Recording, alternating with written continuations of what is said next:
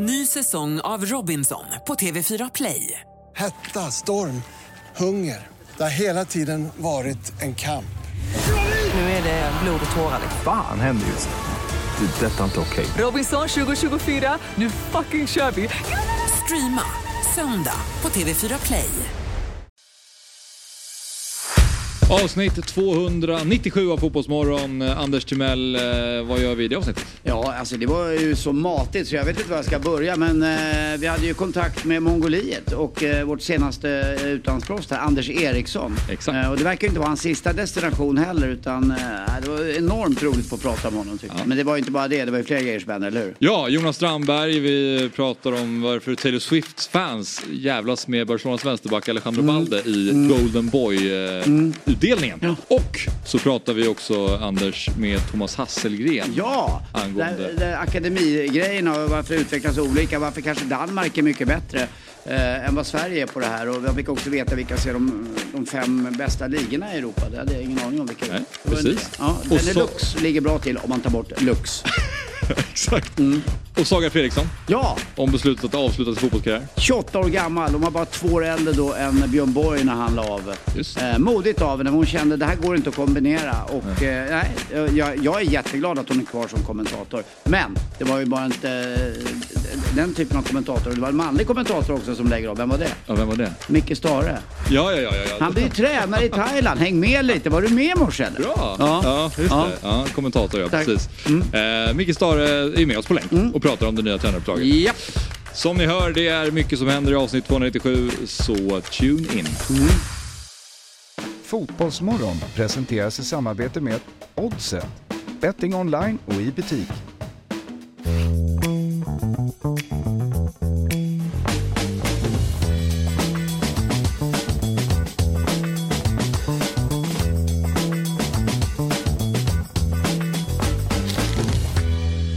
God morgon och varmt välkomna till Fotbollsmorgon avsnitt 297. Det är bara tre avsnitt kvar tills avsnitt 300 Robin. Det är alltså på tisdag. Oj.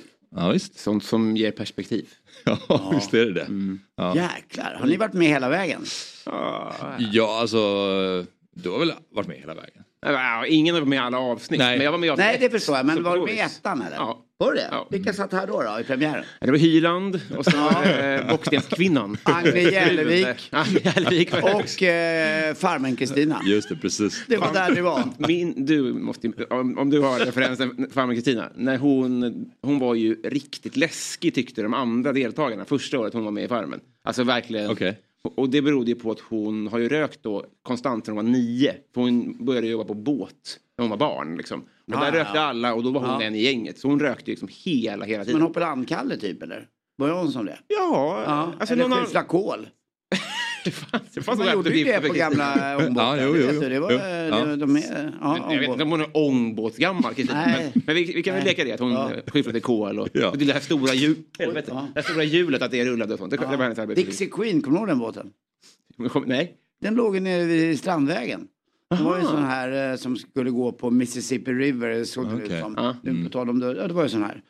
Eh, och det, det fanns något som hette Bakis och Skakis där på söndagar som man skulle gå på. Dixie Queen, Bakis och Skakis. Den gick jättebra ett tag. Okej. Den låg där som ett tempel liksom som en f- känsla av man skulle käka såna här kreolska kräftor och dricka mörkare, eh, vad heter det, det, det, det New Orleans är ju eh, frans från början. Så Okej. Det var lite så. Det var, det var ett sidospår Var, bara var det liksom på julen. brunchstämning Ja, då? På... brunchstämning och partystämning ungefär. ja, Okej. men på söndagar framförallt vid restaurangpersonal. Ja, ja. Det fanns ju bakis och skakis.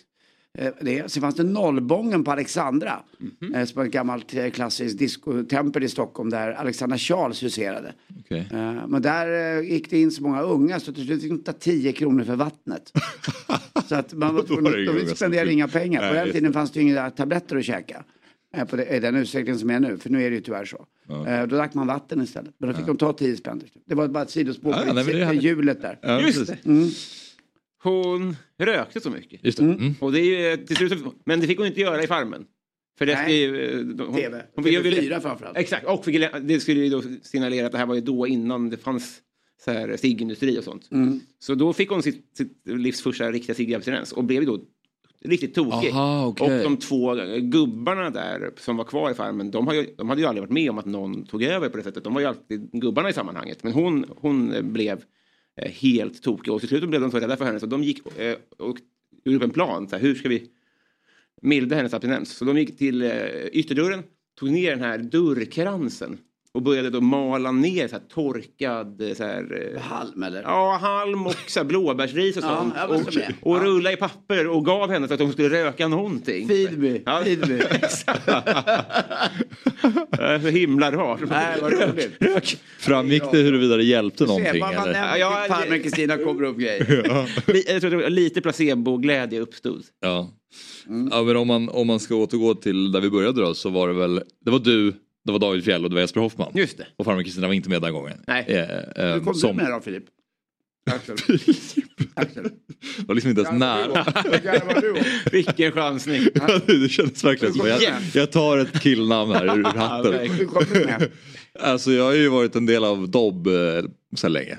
Eh, och sen så vi, vi behöver ju folk här som, Och det som vilket snurrar. avsnitt klev du in Ja, du menar så? Jag, Ja. jag tänkte så här, hur klev du in i Fotbollsmorgon? Jo men André, vilket avsnitt.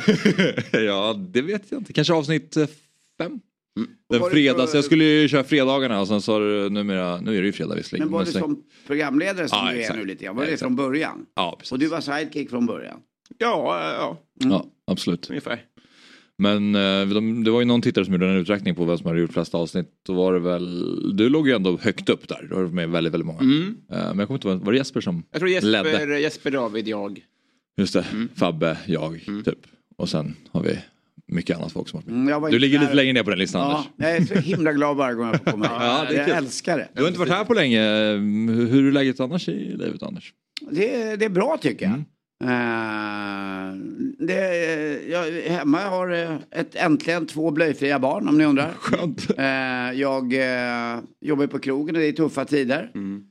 Det är bara att kämpa och jag tror inte ens folk har förstått riktigt hur, hur hösten kommer bli också när det här fjärde kvartalet kickar in med, Okej. med folks räntor och annat. Mm. Så att det är tufft, det är bara att borra ner huvudet. Vi öppnar upp eh, Brillo nu med en jäkligt rolig grej nästa vecka. Jag kan inte säga det här just nu men det kommer bli en, eh, en fantastisk sak.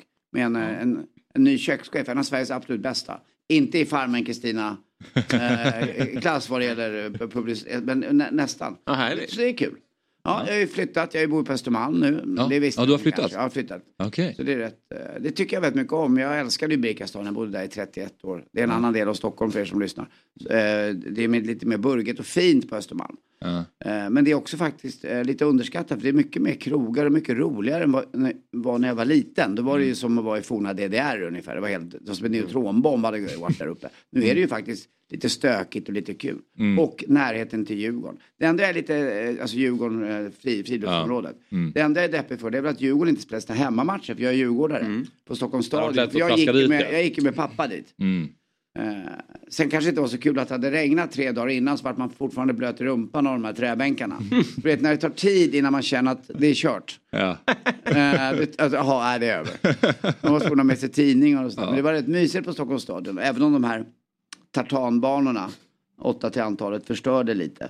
Eh, Ja, speciellt om, satt, om man satt på kortsidan Ja, där, på oavsett kort- vilken Även kortsida det var. fondläktaren var ju, ha kikare. Ja. Det kanske var eh, Ted Sheringham som avgjorde en straff mot Gais 1983. Men det kan men alltså vara finkampen. Ja, ja, det finkampen fanns ju. Ja. Men den, den läktaren var verkligen, den var långt Ja, bort. den var alltså, det, långt var liksom, det var verkligen planen, löparbanor och sen var det ganska mycket yta däremellan kändes det Ja, som. lite sen, som Italien på vissa, Rom har väl, Olympiastadion är väl så. Ja, ni kan bättre där än jag. Men det, Ja, men det är löpbanor det där, är ja. några arenor som är lite sådär. Är tartan det här tegelfärgade Ja, underlag? det var ju gamla hette tartan. Väldigt härligt att du lärde mig det ordet. Ja. kommer alltid säga. Tartanbanor, det, studs, det var studs i det. Man blev som en liten känguru. Ja. Ja. Ja, men... Ja. eh, Så, det har, så, så har mina veckor sett ut. Men det är Ja. skönt att sätta igång med lite höst igen. Och den här eh, sensommaren som har satt tänderna i oss är ju underbar. Ja. Det är ljuvligt. Ja, ja, nu är det fantastiskt. dimmoln- Dimmolnen måste släppa lite. ja. Ja. Och eh, vi får inte, eller får, vi får prata golf i det här programmet. Vi ska inte prata golf i det här Mm. programmet men eh, Ludvig Åberg och det händer mycket i eh, svensk golfvärld som Ja, är det är glad. väldigt roligt att man tog ut honom. Och han väntade ju eh, Luke Donald med att ta honom som den sjätte. För alla undrade ju lite Mm. om han verkligen skulle våga ta en, en 23-åring. Men han hade ju kallat över honom till Europa. För Ludvig Åberg började spela på PGA-touren i juni. Exakt. Och hade spelat ganska bra. Men eh, han visste ju inte riktigt eh, Luke Donald som är kapten då. Den, det finns ju fem vicekaptener. Det är som ett jävla bröllop på Östermalm. Det är 90 olika tärnor och skit. Och dagarnas trehatare. Eh, men eh, i det här fallet kanske man ska ha många vicekaptener. Ja. Men då kallade han över honom till Europatouren och sa du får två tävlingar på dig. Eh, och Visa upp det, går ja. Han kom fyra och han kom etta. Då Det var det klappat och klart. Ja. Ja. Han levererade när han behövde kan man säga. Ja. Nej, det blir, följ- eh, det blir kul att följa. Men jag tänkte att jag ska berätta vad vi ska göra idag då, i programmet. Härligt. Ehm, 07.30 då ska vi ringa upp Anders Eriksson som är det första svenska proffset i Mongoliet. Som nu har spelat i... Ulan Bator. Ja precis, det är där han, eh, det är där, jag tror att det är där han befinner sig nu när vi ringer upp Ja, honom. i huvudstaden. Ja precis. Ja. Det är ju otroligt att han lirar i Mongoliets Premier League. Så det ska vi prata med honom man om. kan få svindel i Mo- i Mongoliet, eh, ute på släppen där. För att det är så, du ser så långt och luften är så klar. Så att det är nästan, det är läskigt. Alltså du får svindel även om du bara... Alltså horisontal, horisontell svindel. Ja, alltså horisontellt, det blir liksom för mycket att ta in. Det måste vi fråga honom Ja, om. Ja, det är det också det land som ligger längst från vatten på hela jorden. Och Mongoliet, bra Mongoliet-experten Ja, här i studion. Jag- menar, ja, min exfru har varit där på fotvandring och så finns det ju snöleoparder och skit där också som Anders Lundin har varit och hälsat på. Just det. Jag vet bara att svenska polisen skickade ut listor till någon gymnasieskola att de ville ha eh, alla mongolier ville få utlämnade. Det kommer en nyhet i veckan. De är på svensk nyhetskarta också. Jaha. Jaha, oj då. Okej. Kontrovers. Ja, verkligen. Men eh, sen 07.45 då ringer vi upp eh, komikern eh, Jonas Strandberg då, som ska hjälpa oss reda ut Golden Boy-nomineringarna. För det är Alejandro Balde och Jude Bellingham som är med och slåss om den här utmärkelsen. Och så letar Taylor Swift in sig Förlåt, på ett hörn. Vad, Golden Boy är då, eh, vad är det, under, är det under 21 eller under 23? Det är ju en, den så att säga, världens bästa unga är spelare. man är snygg eller är det man är bra? Är bra. Ja, okej. Bra, ja. Ja, bra. Ja. Varför är komikern Jonas Strandberg med på det? Ja, det är det som vi ska komma till. För Ja. han eh, gillar ju Taylor Swift, vad jag förstår. Och Taylor Swift är med här på ett hörn. Hon är Eh, ihop med och- någon av dem där. Ja, inte Kanske. riktigt. Men eh, vi låter det vara en liten cliffhanger så alla som... Jag känner ju Jonas, han kommer ju inte kunna bidra med så mycket på fotbollsfronten. Men han är Taylor Swift. Eh, Oh ja, Vem, oh, vem gör det? han är en Swiftie. Ska jag uttala mig verkligen om den saken. Ja, och sen eh, är det speldags vid 8 och sen 8.15 då ska vi ringa upp eh, Thomas Hasselgren som är akademiutvecklare för SEF. Och ehm, vi ska prata lite om hur utvecklingen av försäljningen på spelare i Sverige står sig kontra utvecklingen i Danmark och lite Norge också. Och sen 08.30 så ringer vi upp Saga Fredriksson som ju var expert här under fotbolls-VM och som nu har valt att avsluta karriären. Så det ska vi prata Just det. med henne då? Vem var om. det? Det var hon ja. Saga Fredriksson, ja, Ja, precis. Eh, Spelat i Malmö FF senast. hon är bra. Ja, Ja. absolut. Alltså hon lägger av Alltså, hon precis. karriären. Jo, men ändå. Ja, ja, ja, Ja, ja, ja. Ja, Men eh, du kommer fortsätta höra Ja. henne förhoppningsvis i rutan i alla fall. Så är det, men eh, det är eh, 07.30 som första samtalet är så vi brukar ju gå igenom lite födelsedagar och vad som händer i... i... Carola fyller idag. Ja, Ja, sant. jag bara flagga för det. Ja. Ehm, det hade vi inte med här. Nej, hon föddes 60. Eh, hon var, 1983 vann hon med Främling, då var hon 17 år. Bodde i Norsborg. Jag gick till Skansen, jag gick till Gröna Lund och kollade faktiskt. Ja. Vad, blir det då? Ja, det är, vet, jag är dålig på matte. Men hon var 17, jag tror hon var 17 år. Okej. Grattis. 57. 50, det är ju min ålder. Jag är 57, jag fyller 58 om en månad. Okej. Ja. Vad är för datum idag? 8 Ja, september. jag fyller 8 oktober. Det Exakt en månad då. Eh, under 21 för övrigt, Golden Boy, så bara så reda ut det. Men vi tar det mer när det kommer. Men eh, jo, eh, det är också, eh, visserligen inga födelsedagar här, men någonting som hände. Det är 32 år sedan Stefan Edberg kammade hem US Open. Och 37 år sedan som eh, vår branschkollega, kanske lite större eh, program då, Oprah Winfrey presenterar första avsnittet av sin talkshow. The Oprah Winfrey, Vårt systerprogram. Winfrey Show. Exakt. Hon som har Oprah. tagit mycket. Kommer ni ihåg när Stefan Edberg mötte eh, Michael Chang Tyvärr. i eh, Franska öppna i finalen? Och han till Vilket- slut vann med 3-2, det var hemskt. Michael Chang som hade sådana lår som fick, eh, jag vet inte om ni kommer ihåg, Malmö FF hade en spelare som hette Roy Andersson som hade, hade egna postnummer den där jävla benen, de var så stora. Michael Chang var så här pistonger, till slut bara tryckte han ner Edberg som var eleganten. Mm. Ja. Du vet ju att Edberg har dödat en linjedomare va? Just det. Vänta nu, var, Det det han var, och- var han som I, skickade Golden Boy bollen på... 21, på Ja, han servade det var i New York-tävlingen Ja. i US Open. Eh, träffade en domare i, som min pappa brukade säga, veka livet. Ja. Eh, för du vet, de Precis. ställer sig upp bakom när de inte ser linjen. Och så, eh, så, så håller de ju upp. Men han, var, han kickservade ju jäkligt bra, Edberg, du vet va? Det blev ju en jäkla topspin på dem. Han var ju bäst på kickservar. Okej, ja. Och den kickade upp rakt mot penis och pung. Ja. Han faller bakåt, slår i huvudet och vaknar aldrig mer. Espen Knutsen gjorde väl det också? Det är riktigt sjukt. Eh, Servade någon domare i... Nej, men han drog en hockeypuck upp på läktaren. Jaha, det kanske... Det ja, det kan nog stämma. Ja, det är läskigt. Men vad sjukt att, precis, för det har jag hört om. Jag visste Ja. inte att det var liksom dessutom. Nej, jag det- tänkte så här, kan, stryker man med då? Men då förstår jag att han föll dessutom var, han, han bakåt. dog, var lite äldre och ramlade alltså så illa så att han fick det. Han vaknade aldrig. igen. Hur eh, liksom, såg man någon följd av det här på Stefan Edbergs tävlingar efter? Kommer du, kommer du ihåg det? Om han var liksom han- skärrad av den här händelsen? där, han var väl den yngsta som fick det där. Han fick ett kontrakt med Adidas. Okej. I, Inte de, på grund av i det här vevan, inte på grund av det förstås. Eller tack vare eller på grund av vet jag. Men på grund är ju negativt. Ja. eh, han fick ett kontrakt på den tiden på 15 miljoner vilket var astronomiska summor. Just det. Eh, alltså, Edberg, det är nej, vilken elegant. Han blev ju bra i squashen. För han tyckte det var tråkigt att inte kunna utvecklas i tennis. Mm. Jag har ju spelat mycket squash. Eh, och han blev ganska duktig på squash, allsvensk nivå faktiskt. Mm. Just det. Mm. På grund av och tack vare ja. Det är som med chans och risk att vissa använder Ja, risk. Pappa var alltid på mig om det där. Man kan inte säga att om det är negativt så är det på grund av. Ja, är det det. bra, tack vare. Precis. Det ska jag fråga. Ja, faktiskt.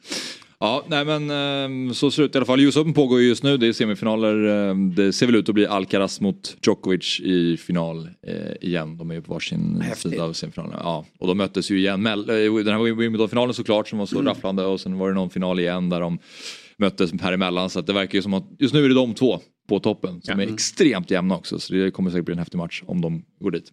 Men eh, i eh, kväll också så är det dags för U21 EM-kval. Och Nordmakedonien står för motståndet och jag tänker att eh, du är ju lite U21-expert Robin. Så är det faktiskt. Just på Nordmakedonien. ja precis. Roligt att ha ett litet specialområde. Men visst gillar du eh, Ja, det, det gör jag. U21-fotboll? Mm, det gör jag. Eh, vi har ju varit lite bättre på det, upplever jag. Och Mm. sen finns det ju också en, en sån inneboende, ett inneboende hopp där. Alltså är vi bra där så går vi en ljus framtid till mötet. Man kan alltid Mm. hitta, ett- hitta ett lugn i det. Och sen så är också eh, 15 guldet det största jag har upplevt, tror jag, i fotbolls... Var det då Det är så. Carlgren räddade? Precis. Ja, ja, men det håller jag med om. Det var stort. I fotbollsglädje. Jag, jag kan inte minnas alltså, efter det var så dramatiskt och man, man lärde sig älska det här gänget successivt och de var alltid andra också. Sånt där. Eh, så jag, jag, sen har jag, det tråkiga med u är, det är, så här, det är alltid så här, på tränarposten så är det alltid man slängs dit. De kastar in vem fan som helst känns det som. Det Var känns det inte Åby Erikssons son som tränade det laget? Jo, som vann Håkan Eriksson, ja. 2015? Mm. Håkan, va? eller hur? Mm, och, och det var ingen som eh, kapitaliserade på det. Han fick ju inga, inga Nej, han fick inte ett skit. Nej. Nej, jag fick en... Jag vet inte vad han fick. Han var i Thailand och härjade och... eh, Han var väl också över typ, alltså så här Luxemburg, alltså det var något riktigt Ja. litet. Nu är den på eh, Färöarna också. ju. Ja, det var, Ah, just det, just det, just det, det var det jag tänkte på. Ja, det måste vara. Och det är ju inte värdigt. Nej. Med tanke på att det är det största man fått vara med ja, precis. Ja, nej, det var ju synd. Men eh, jag hörde er snacka om u igår och eh, Jesper var inne på att så här, men det här är en eh, talangfull upplaga och Mm. att man är väldigt spänd på det här. Men så, så slog mig så här, det känns ju som att, eh, bara som du säger, det finns en hoppfullhet i u så att det känns som att varje upplaga kommer med att man är spänd på att se dem och att de, bara så länge det är- u det handlar om så det känns som att det är samma lite oavsett. De är alltid talanger. Ja, men Ja. fortsätter Janne Andersson som förbundskapten, då är de ju U39 innan de får en chans. Så är det precis. Så att, Ja. eh, det, det, det är ju någon som står och motar i grind där. Vi ska få in någon annan. Alltså, det är vad jag tycker bara förstås. Ja, nej men det är väl många som känner ja, eh, det räcker så. nu. Det är över va? Tack. Det är året ut. Men jag, jag undrar, jag, jag har tänkt mycket på Jan, det här, vad som är bäst. Vi leker med tanken att, alltså, vill vi, det bästa vore väl att vi går till EM. Ja, det tycker jag. Det får vi väl... Har vi någon chans egentligen? Måste slå Belgien lite grann va? Det, ja, Belgien borta är ju en Ja. match som typ behöver vinnas. Alltså Ja. det är ju tuffa förutsättningar. Men det Framförallt går så ju. är det ju... Vi kan vinna av egen Ja, Ja. det absolut. Men, kraft. ehm, att Det är fem finaler beskriver han det som. Så att, vi- vinner vi alla matcher så är vi klara. Ja, liksom. okej. ja. Eh, och då är det ju intressant. Sen kan man ju säga så här, för, för de är ju i år. Alla, rest, resten av kvalet är ju nu i höst. Och hans kontrakt löper ju ut vid årsskiftet. ja, vi har det där. Så man skulle, och då funkar det ju ofta så att um, går man till mästerskapet så får man förlängt ett halvår.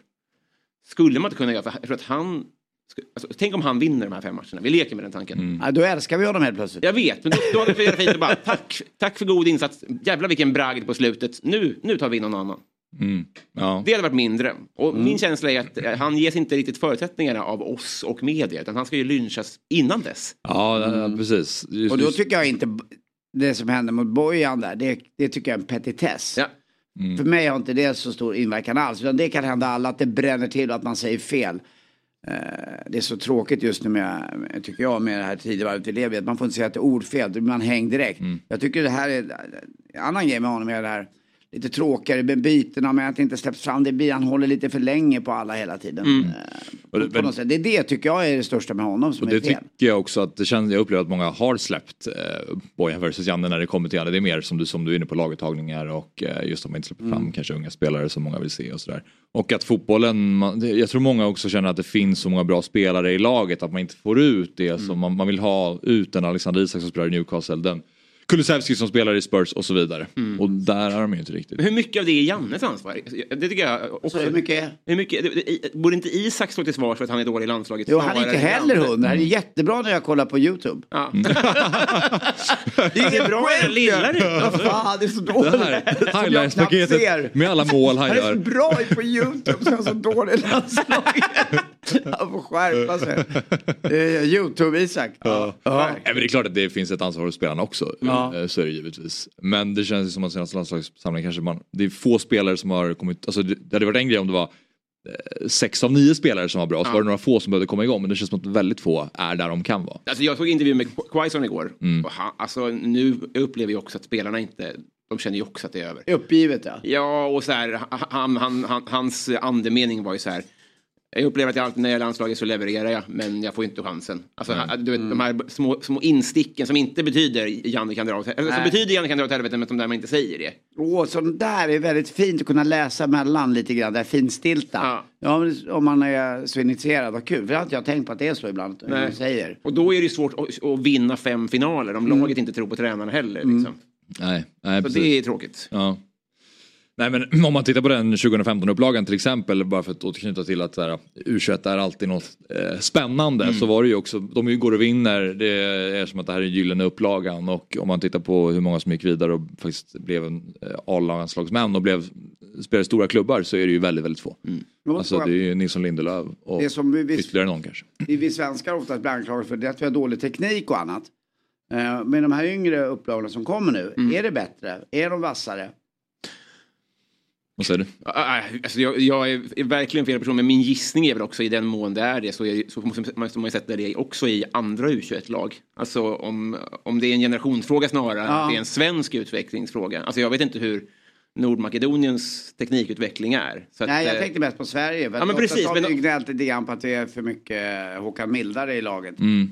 Uh. Men om vi blir bättre tekniskt och alla andra också blir det så är det så lite vunnet menar jag. Ja, nej, nej, nej det blir ju, det är sant. Men det vore, det, ibland kan det vara kul att se lite rolig fotboll. Ja, men jag skulle, jag skulle ändå säga att det har blivit skillnad för att det har ju varit många som har ropat på att man vill ha tillbaka de här eh, Olof Mellberg, Johan Mellby-typerna i backlinjen och att det är för... Ja, de vill man ju ha kanske. Ja, ja men precis, och att det är för snarare mjäkigt och att det ska vara, vara spelande mittbackar till exempel mm. om man nu pratar om den positionen. Um, så jag tror ändå att det har hänt grejer i svensk fotboll också men i jämförelse med andra så går det Jag sprang in, det var roligt igår på Brillo, jag stod där och jobbade och jag håller på att bygga om där bak så jag stod utanför.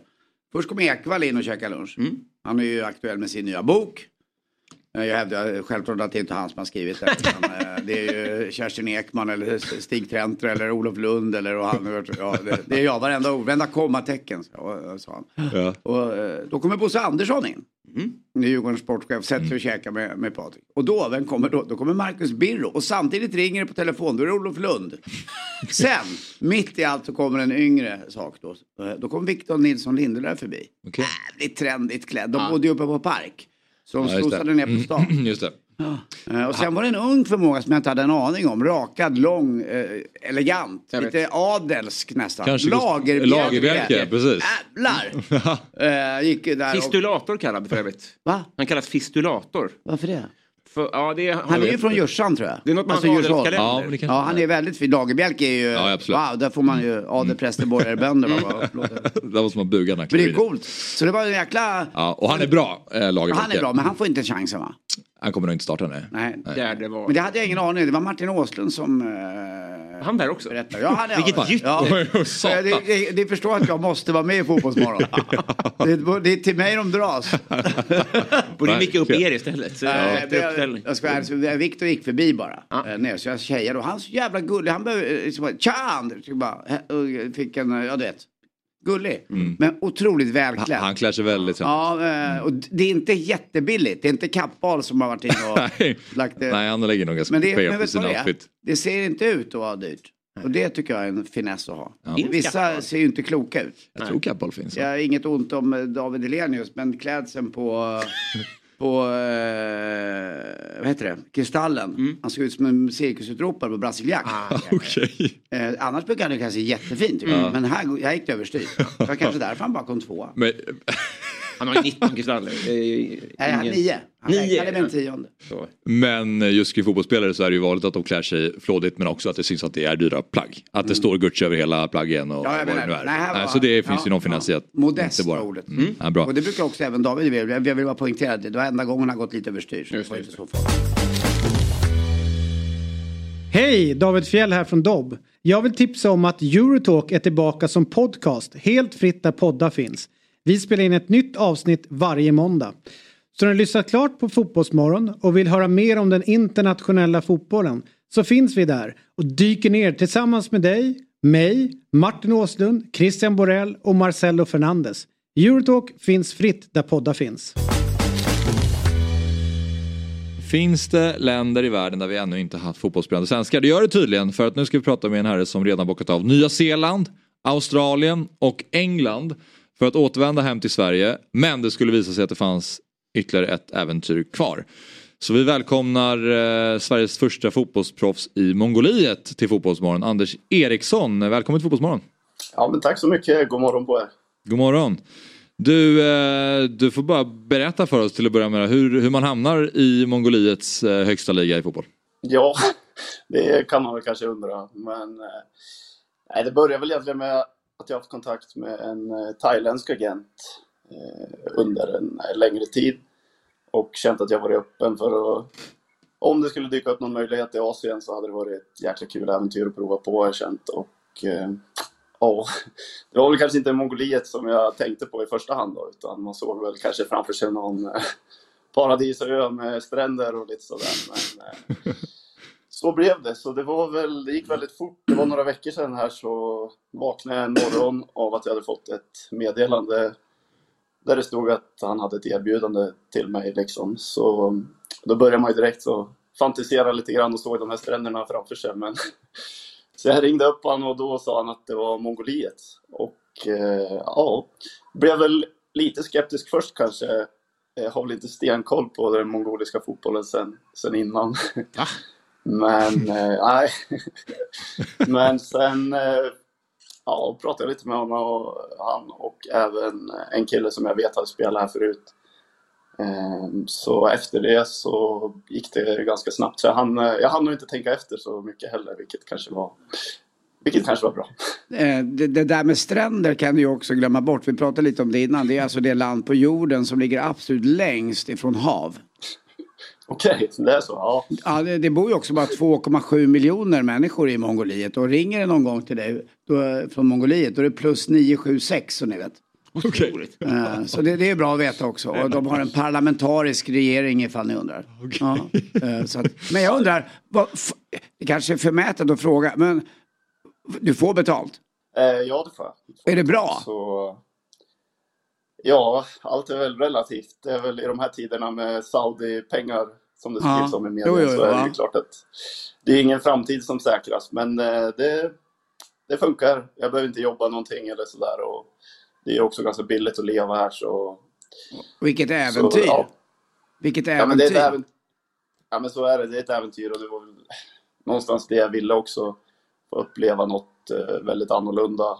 Eh, så jag kom väl hit utan egentligen förväntningar på, på varken levnadsstandard eller fotboll sådär. Så tror att det har hjälpt mig lite grann i, i, i början här också. Hur, hur många utlandsproffs är ni i laget då? Eh, Vi är, eh, är två koreaner och tre japaner. Nej, En, har- en har åkt hem så det är två japaner kvar. Och jag då. Men du, hur bra är du? Eh, ja du, jag är väl inte så bra. Eh, det väl om... That's the Du ringer Janne när som helst. Ja, För helvete. nej men det... Spelar du Jag är väl Fifa? ungefär lika, lika bra som min, eh, som min transfermarkt-karriär visar. Ja, ja, ja. Här har vi ja, den. här har vi den ja. Ja, det är ju ett gäng klubbar man inte har superbra Ja, koll alltså, på. du får ju Johnny Rödlund att verka slö. Han hade ju, han hade ju eh, kanske någon färre spelplats men annars så. Ja. Ska, ska vi ta det? Det här säger mig ingenting. Men, Men, Verdal IL? Åtvidaberg och Sleipner och Mjölby och så här. Vad snackar vi division 2, division 1 i Sverige? Ja, ja precis. Just det, okej. Och samma med IFK Östersund också. Mm. Har ju spelat i ganska länge och där, det är ju division 2 också. Så, ja. Eh, och vilken position spelar du? Eh, mittback. Mittback. Språkligt, hur funkar det? Eh, inte jättebra skulle jag säga. Det är väl... eh, Det är väl, jag bor ju med en korean som eh, till exempel inte pratar jättemycket engelska. Så det är ju lite speciellt. Men eh, vi kämpar på ändå och försöker göra oss förstådda med teckenspråk och, och sådär. Så, och det är väl samma i laget är det väl många som inte pratar jättebra engelska. Men några pratar i alla fall, så det funkar. Men är det i Ul- Ulan Bator du bor? Ja, det är det. Så det är, jag tror att hälften av landets befolkning bor ju här. Och det är, Så det är ju ett, ändå ja. en, en stor stad liksom. och det är ett väldigt inlandsklimat va? med ganska kalla vintrar och varma somrar, eller hur? Ja, det stämmer. Så nu har vi haft, eh, de veckorna jag var där har det varit 30 grader och, och sol liksom många dagar. Eh, Men eh, serien rullar ju nu till november och sen tar man ett uppehåll över vintern då, eftersom att det blir typ upp mot minus 40 grader här. Så, ja. det alltså, har du upplevt några stora, har du fått någon kulturchock då? Där upp, blev väldigt uppenbara mot din, din vanliga vardag? Nej, men det är väl... Alltså det är klart jag har haft många ögonblick där jag har känt lite så här, speciellt första dagarna i och med att allt gick så fort så var det ju, när man var ute och gick på stan kände jag ibland liksom, hur, hur hamnade jag här? Alltså hur gick det här till?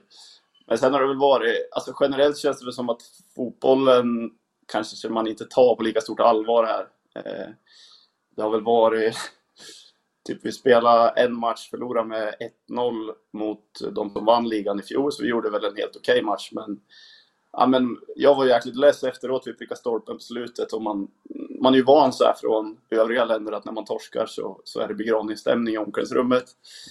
Men så kommer jag ner sist in i omklädningsrummet och då har de släckt ner lamporna. Så hela truppen och alla ledare är samlade där inne.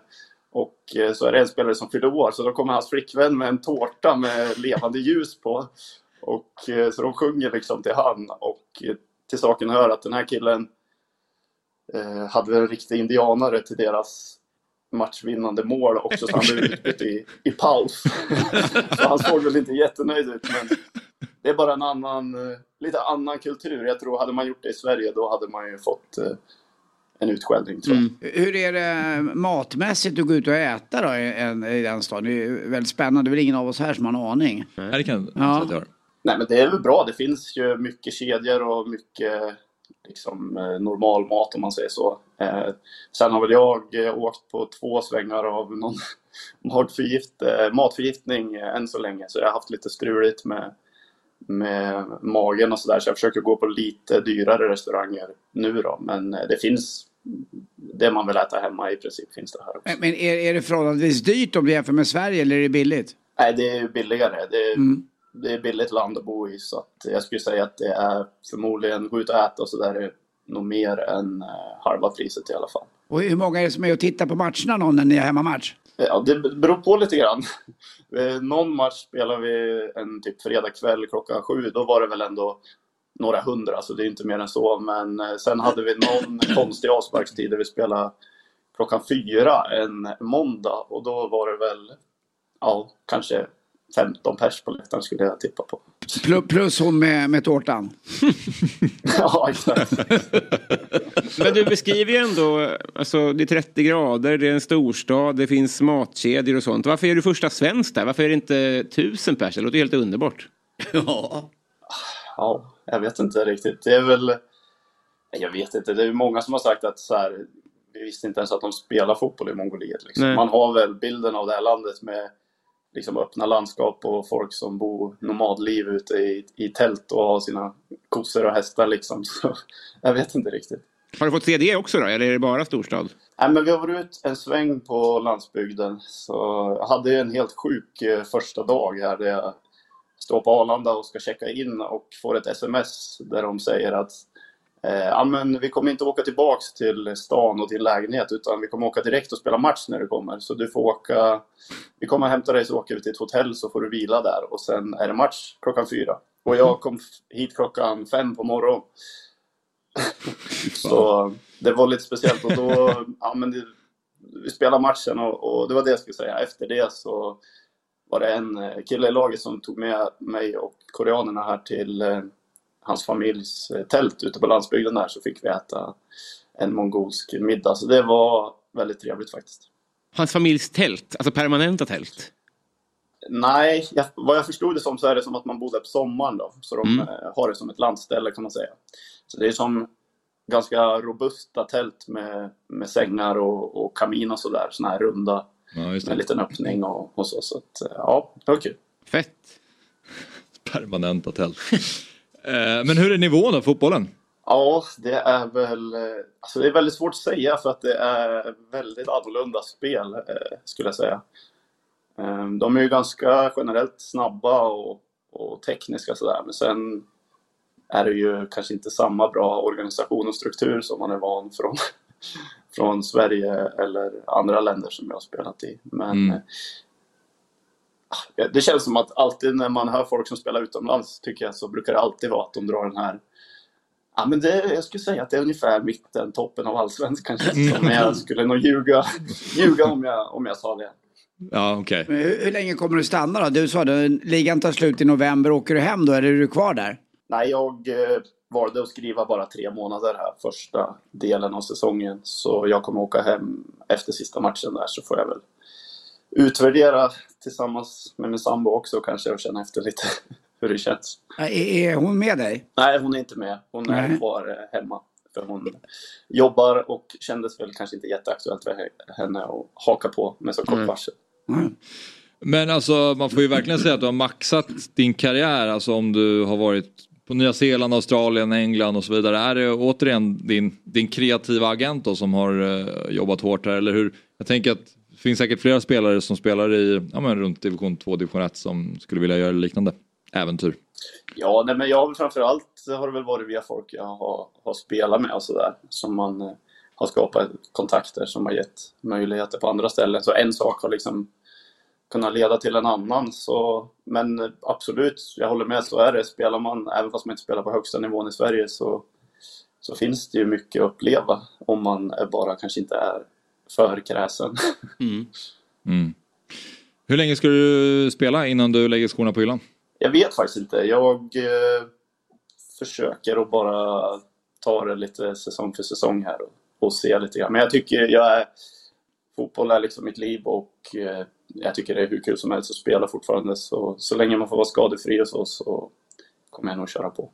Finns det, finns det en del, har du valt äventyret före att maxa karriären? Eller har du maxat karriären kvalitativt också?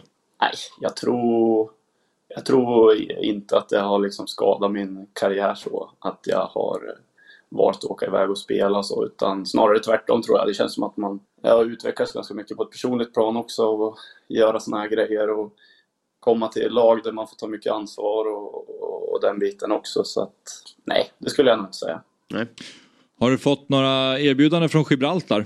Eh, nej, jag har haft lite kontakt där faktiskt tidigare, men eh, inga erbjudanden. Nej okej, nej. nej. Jag var ju nere och, och gjorde en dokumentär och finns det på Youtube Anders om du skulle vilja kolla. Ja, det är klart. Eh, Eh, eh, Europa Point FC då, ett lag i Gibralt, eh, den ja, gibraltiska högsta ligan då. Eh, och de, Gibraltiska högsta ligan. Ja, eller det Jag finns ju har egentligen bara en eh, varit liga. i Gibraltar några gånger. Ja, då har det Har ja. de ett, en liga? Ja visst. Men spelar de mot de... eh, Ja, det är typ tio, tio lag. Nej det är Gibraltar-lag. Det hade... Ja. ja. Det är galet, jag vet, för det är så litet där så Ja. man förstår inte hur du får plats med tio lag. Flygplatsen är ju att man går över. Det är ett ögonställe på flygplatsen. Exakt, det är otroligt coolt. Ja. Ja. Men eh, de, i alla fall Europa Point vet jag söker ofta spelare och de har ju en svensk ägare så att ofta svenska spelare. Så det kan jag rekommendera om du vill testa nästa äventyr. Annars behöver ju... Men det är bra. Ja, AIK behöver lite hjälp. Det är sant också. Det är sant också. Ja. Som det har sett ut där så kanske man inte skulle göra bort sig. Nej, nej, nej, nej, nej, nej. Division 2 på Påskön söker en del folk också om du är ute och letar. Och franska papet är också... eh, Ja, du har ju några agenter här i studion. Och just det FK. Ja, nej, men det är bra Anders. Eh, roligt att eh, prata med dig och eh, lycka till nu resten av Verkligen. säsongen i Mongoliet. För- Jag måste bara fråga, för jag kommer inte kunna somna ikväll annars. Vad är det som är bakom? Det är det kaffemaskin, ett skåp eller högtalare?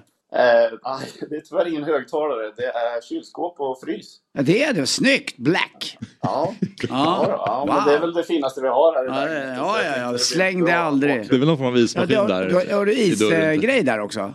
Ja, men den eh, funkar inte. Ja, för det jag det ser bra ut i alla fall. Ja, det gör det. Du ser bra ut. Det känns som att eh, 90% av alla som har en sån där säger att den antingen inte funkar eller använder den inte. Eller att du plockar fisk. ja precis, isen bringar bra. Ja, då vet jag det. Tack snälla Anders. Superbra, stort tack Anders. Tja! Tack ska ni ha. Ha det bra. Coolt om det var högtalare, stora som torkskåp. Hemma i en etta. Det hade varit jävligt Ja, nice. Snyggt. Trevlig kille. Framförallt jag trycker dem. Ni Ja, finns så roliga grejer här. Typ. Jag fattar inte hur ni lyckas. ja, du får säga, prata med Otto och Viktor och hela gänget. Otto! Jag håller med David. Du är grym. Ja. Lyssna inte på de andra, du är grym. ja, precis. så. Han har ju många kritiker. Ja, har han det? Internt? För mig är han guld värd.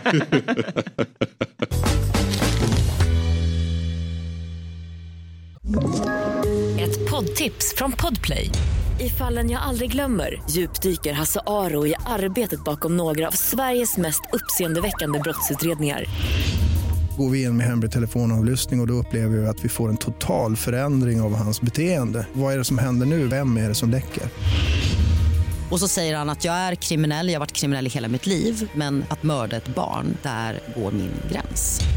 Nya säsongen av Fallen jag aldrig glömmer på Podplay. Vi eh, ska ju gå från Mongoliet, eller Mongoliet, Mongoliet heter det, eh, till, eh, till Golden Boy och Taylor Swift. Men eh, jag vet inte om vi har Jonas Strandberg med oss än. Jag tycker det ser ut så om jag kollar på datorn där borta. Så så här är det Anders. Att, eh, årets Golden Boy då, den som ska få utmärkelsen eh, bästa spelare under 21. Eh, Jude Bellingham spelar i Real Madrid, han, har ju, eh, han var ju med i eh, VM för England och har spelat i Robins favoritlag Dortmund och varit väldigt bra och nu när han kommit till Real Madrid, in i Real Madrid så har han varit väldigt bra i början av den här säsongen. Och så finns det några till eh, namn på den där listan, Musiala. Och så finns det också Alejandro Balde som är vänsterback i Barcelona. Eh, och då är det så att då undrar man så här, vem ska få den här utmärkelsen? Och då har ju då Swiftisarna, alltså Taylor Swift-fansen lagt sig i här. Och anledningen är att Barcelonas Golden Boy Balde fick då frågan om sin musiksmak.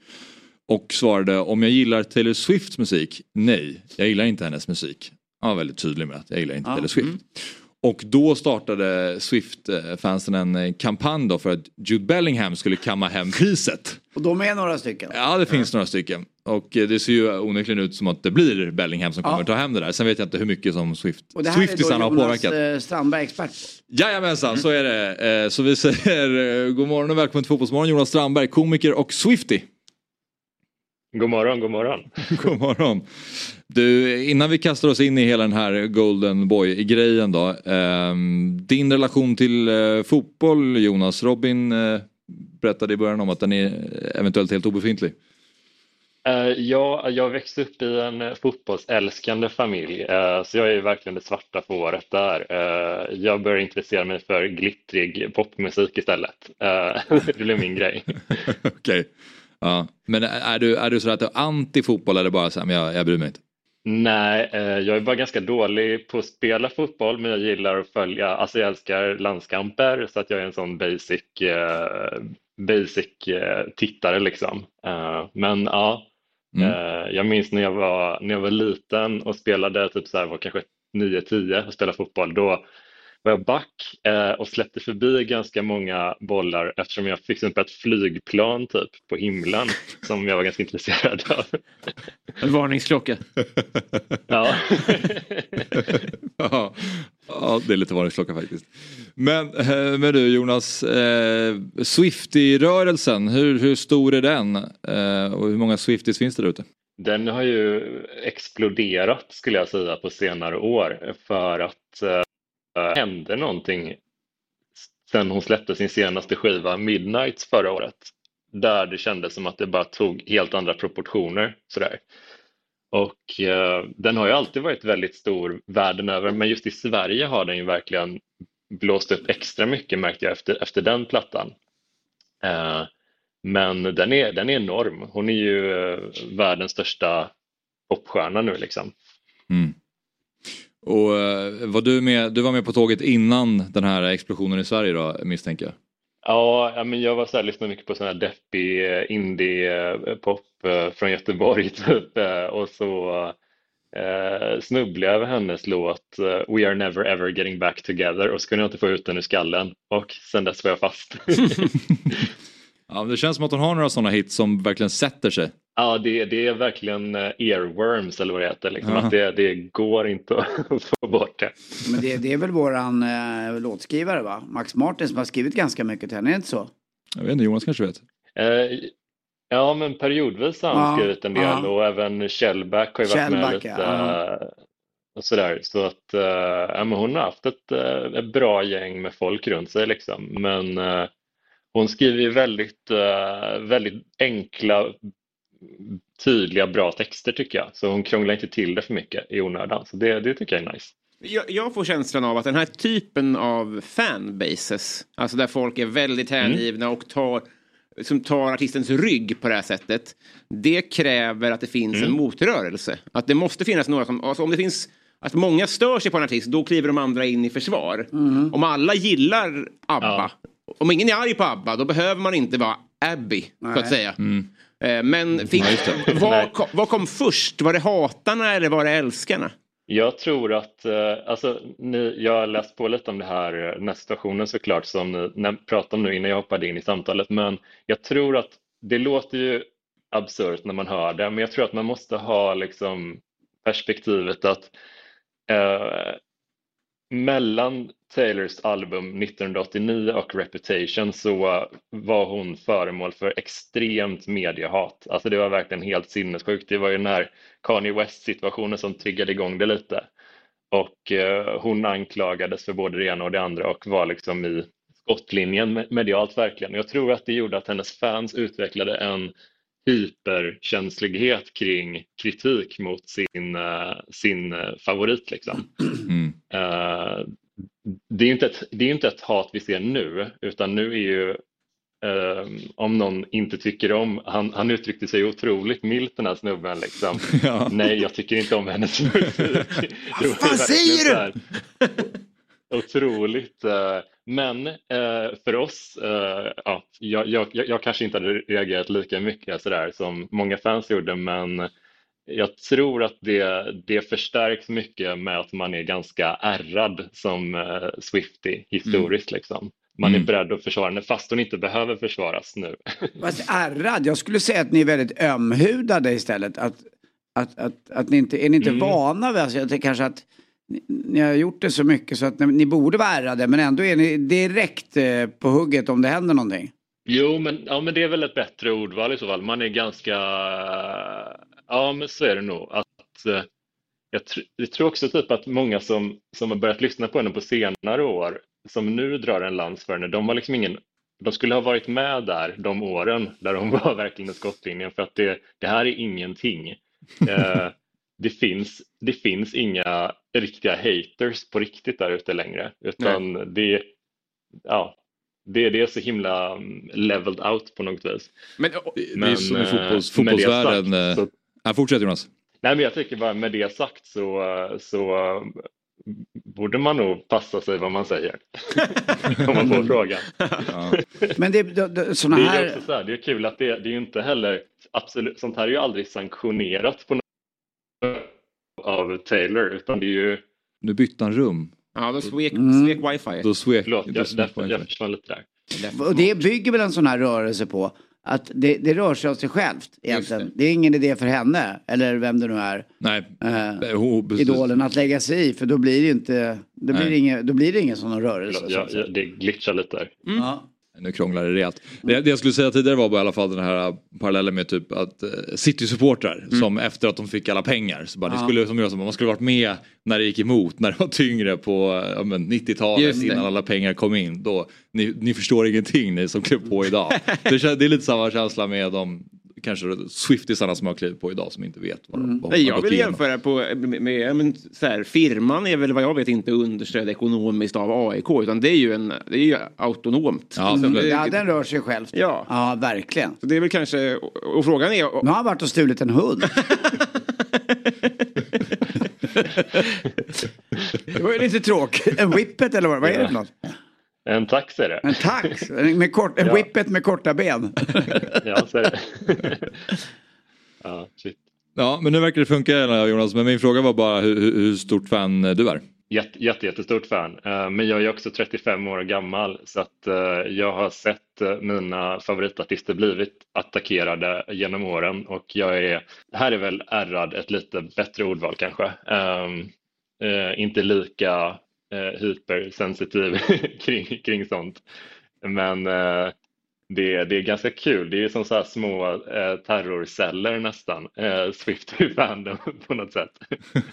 Men vi, vi, vi, vi jämför det lite med fotbollssupportrar här, men kan du också uppleva, för jag tycker ju, jag tycker inte att firman då, jag hejar, som, jag hejar ju lite på AIK, men det finns också som hejar mycket mer på AIK än vad jag gör, och jag tycker inte att man mäter supporterskap i vem som kastar flest bengaler. Ser du lite samma, samma sak här, att visst, ni tycker, eller upplever de att de är mer Swiftist för att de så att säga röstar på Bellingham, i den här, alltså gör eh, motsvarande bengal? tillbaka till eh, tack. Ja. Jag skulle komma in där. Ja. Tagit en liten stund bara. Ja, men jag, jag tror att eh, det finns ju, eh, ja men så här, hon, Taylor gästade sin, eh, eller hon var gäst hos sin kompis eh, Jack Antonoffs bröllop, bara som gäst och sådär. Eh, och eh, på hemlig adress och så fick fansen reda på det och dök upp eh, i massor utanför den här bröllopslokalen som då hade haft, varit på hemlig adress och verkligen sabbade ganska mycket. Och de människorna som dök upp där, de blev ganska avskydda generellt i Swifty-kretsar. Och jag tror att det här kan ha en liknande effekt faktiskt. Att de som deltar och mobiliserar en sån här rörelse, det är inte, det är inte superhärliga människor kanske. Då har vi. Men, men innan, innan vi tog kontakt med dig för att prata om det här, hade du nåtts av den här kuppen som skulle göras mot eh, Balde som hade sagt att han inte gillar Taylor Swifts musik? Ja, alltså min kompis Sebastian Mattsson, eh, han skrev att han, var, han tyckte det var obehagligt. Typ. och, och det, det finns ju någonting djupt obehagligt i den här kvicka responsen eh, ryggmärgsmässigt som kan ge en sån här eh, och att det är så många som rycks med där också. Ja. Jag tycker det är ganska men eh, ja, det är också, jag tror också att eh, deras engagemang gör att det kommer bli väldigt roliga konserter nästa år.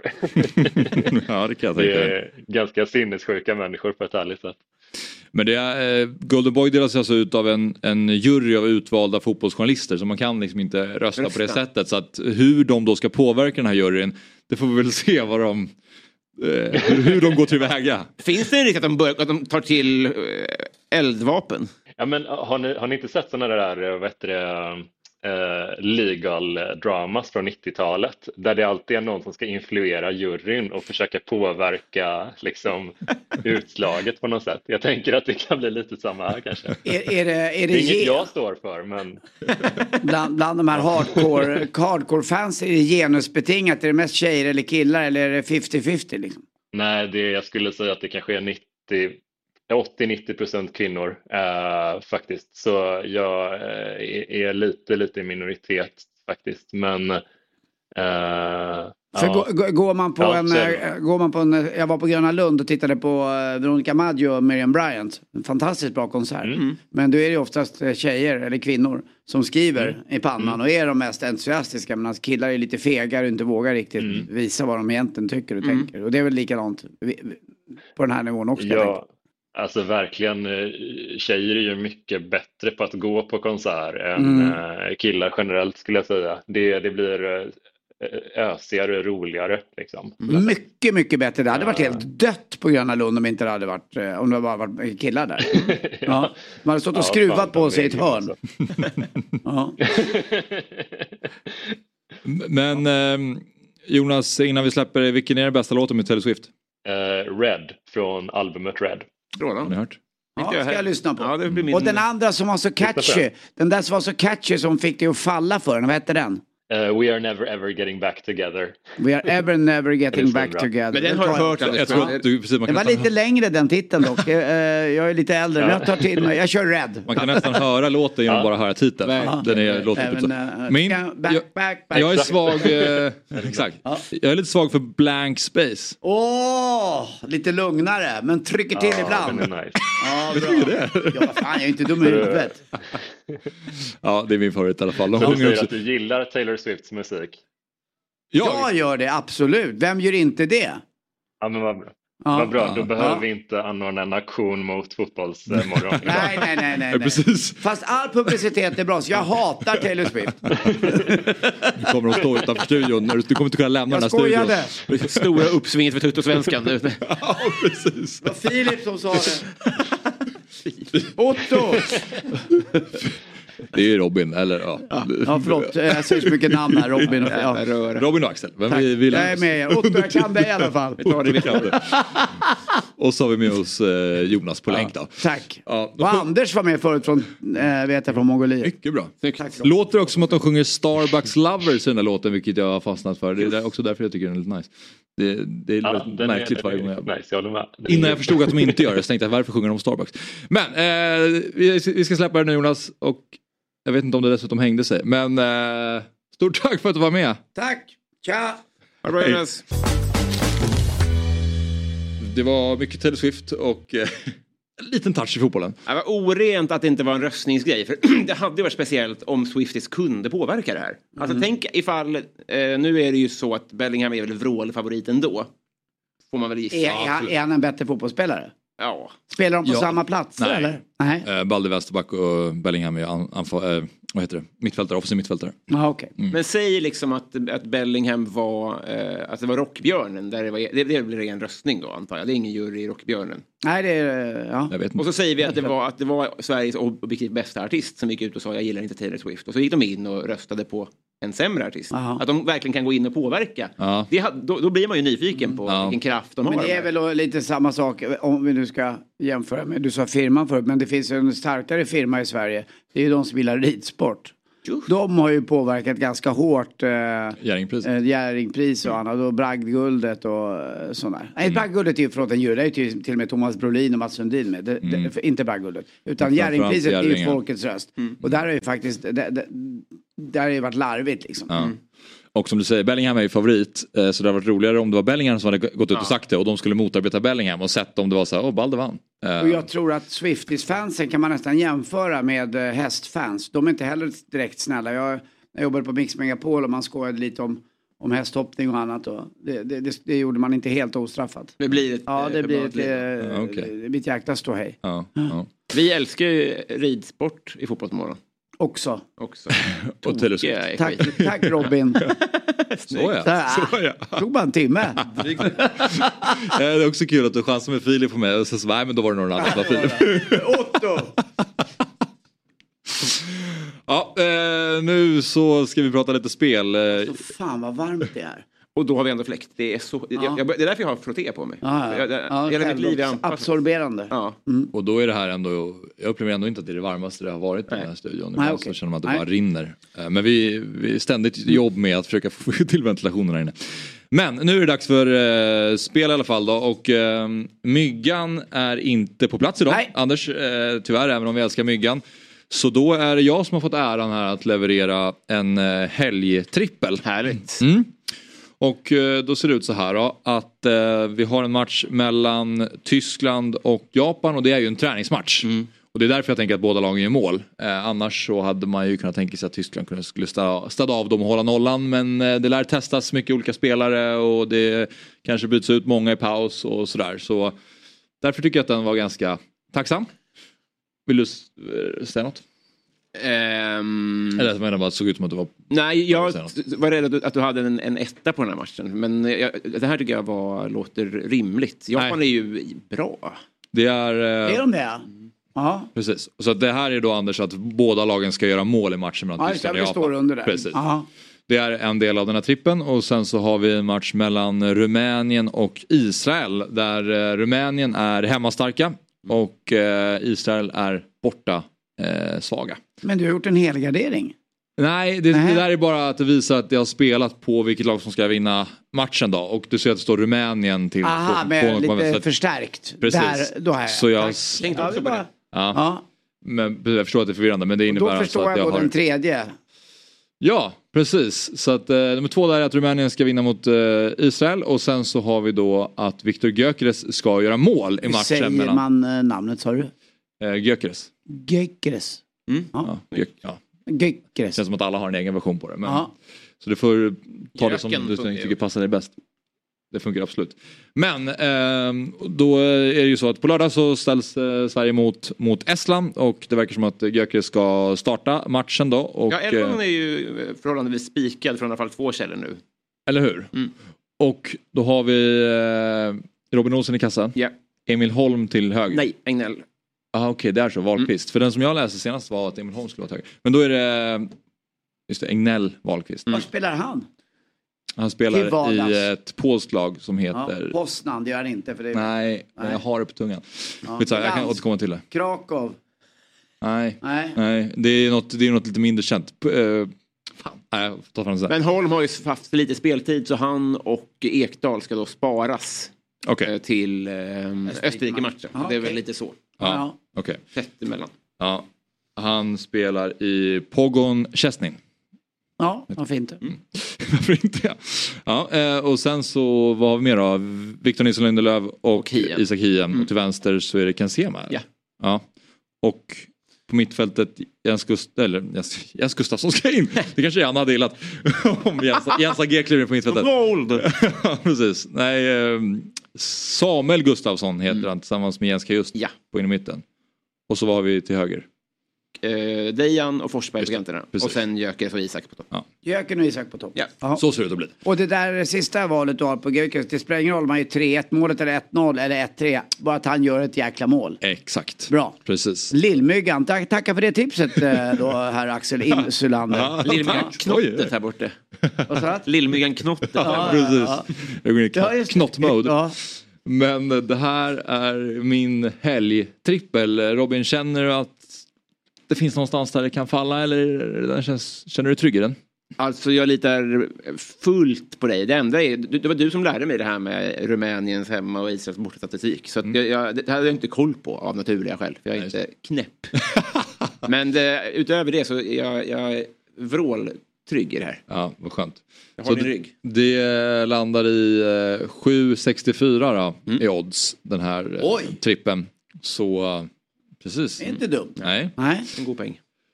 Bra, så ser det ut i alla fall. Eh, Och eh, gå in och rygga Ja. spelet eh, på dob.one slash oddset och så kan man ju se QR-koden där och scanna av den om man skulle vilja. Eh, Oddset är en produkt från Svenska Spel, Sport och Casino AB. Det har åldersgräns 18 år och om man har problem med spel så finns stödlinjen.se. Jag tänkte så här att vi ska ju om typ sju minuter prata med Thomas Hasselgren som är akademiutvecklare på Svensk Elitfotboll. Men eh, innan dess då så har vi lite headlines som vi skuttade förbi tidigare under eh, avsnittet. Och eh, något som har hänt i- inom svensk fotboll det är att Mikael Stare klar som ny huvudtränare står det här för Uthai Thani FC i Thailand. Och eh, enligt Disco och Sportbladet så ska han ha tackat nej till Stabäck då som också var ett alternativ. Där han varit förut va? Eh, Eller? Har han varit i Stabäck förut? Sorry, jag är... Nej, han har ju varit, han har ju varit i Sarpsborg. Ja, just. Och det den nyrakade versionen. Han har haft skägg hela året nästan. Ja, just det. haft det. Men visst var han eh, bisittare till, på Discovery. Ja, Precis. Tycker Ja. han är bra. Han är ju väl, alltså det är ju ändå, han har ju varit med i svensk fotboll så länge. Så Ja, men det är inte alltid givet att alla som har varit eh, Nej. fotbollsspelare Nej, det är sant. eh, eller fotbollsspelerskor är bra Ja. bisittare. Ja. Tycker, tycker jag i alla fall. Så att, ja. Väldigt fräck logga med den här elefanten med bollen och sånt där. Det ser ut som en serietidnings... Är, det inte det som är eh, ölen, Chang eller Singa? Jo, Chang va? Chang Ja. som är lite starkare, det vet ni va? Okej. Se- Den är ju sek- den har 6,0 för oss Ah, eh, som gillar procent. Ja. Eh, Medan då Singan har ju bara 5,5. Så. Mm. Och Singan är väl lejonet va? Och Det då betyder väl- kommer ju direkt också på tal om elefant. Ni vet ju när jag var liten och man eh, turade till eh, Alperna Ja. och åkte Rödby Puttgarde med bussen. Då köpte man ju den från Elefant. Carlsberg gjorda elefantölen 7,5. Läskigt. Tack, där satt den. Som Vi hörs aldrig mer efter två klunkar. ja, men han ser nöjd ut där. Ja, det, Ja, det var skönt för honom att få det. Nu så här års också. Ja, Precis, vad, vad skulle ni, eller om ni hade varit i Stares sits här då? Han har ju varit länge i, eh, i svensk fotboll, han har varit länge i fotbollen och varit i, eh, tränat i Grekland, Blåvitt, i Kina, Häcken, San Jose Earthquakes, Sarpsborg, Blåvitt igen senast då och nu eh, på Discovery som expert. Jag vet inte hur hans familjesituation är. Han kanske har vuxna barn. Då kan ju det vara ett, eh, ett äventyr om man inte har småbarn. Men annars så drar iväg sig är väl lite sådär. Stabäck är ju lite mer, om man har familj och små barn. Så är ju själva, alltså det utanför fotbollen är ju, är ju ganska likt det som är i, i Sverige. Så. Ja, Men eh, nej, det där, bara lycka till. Jag tycker han verkar vara en skön typ. Även om eh, han tränade AIK ett tag. ja just det. Ja.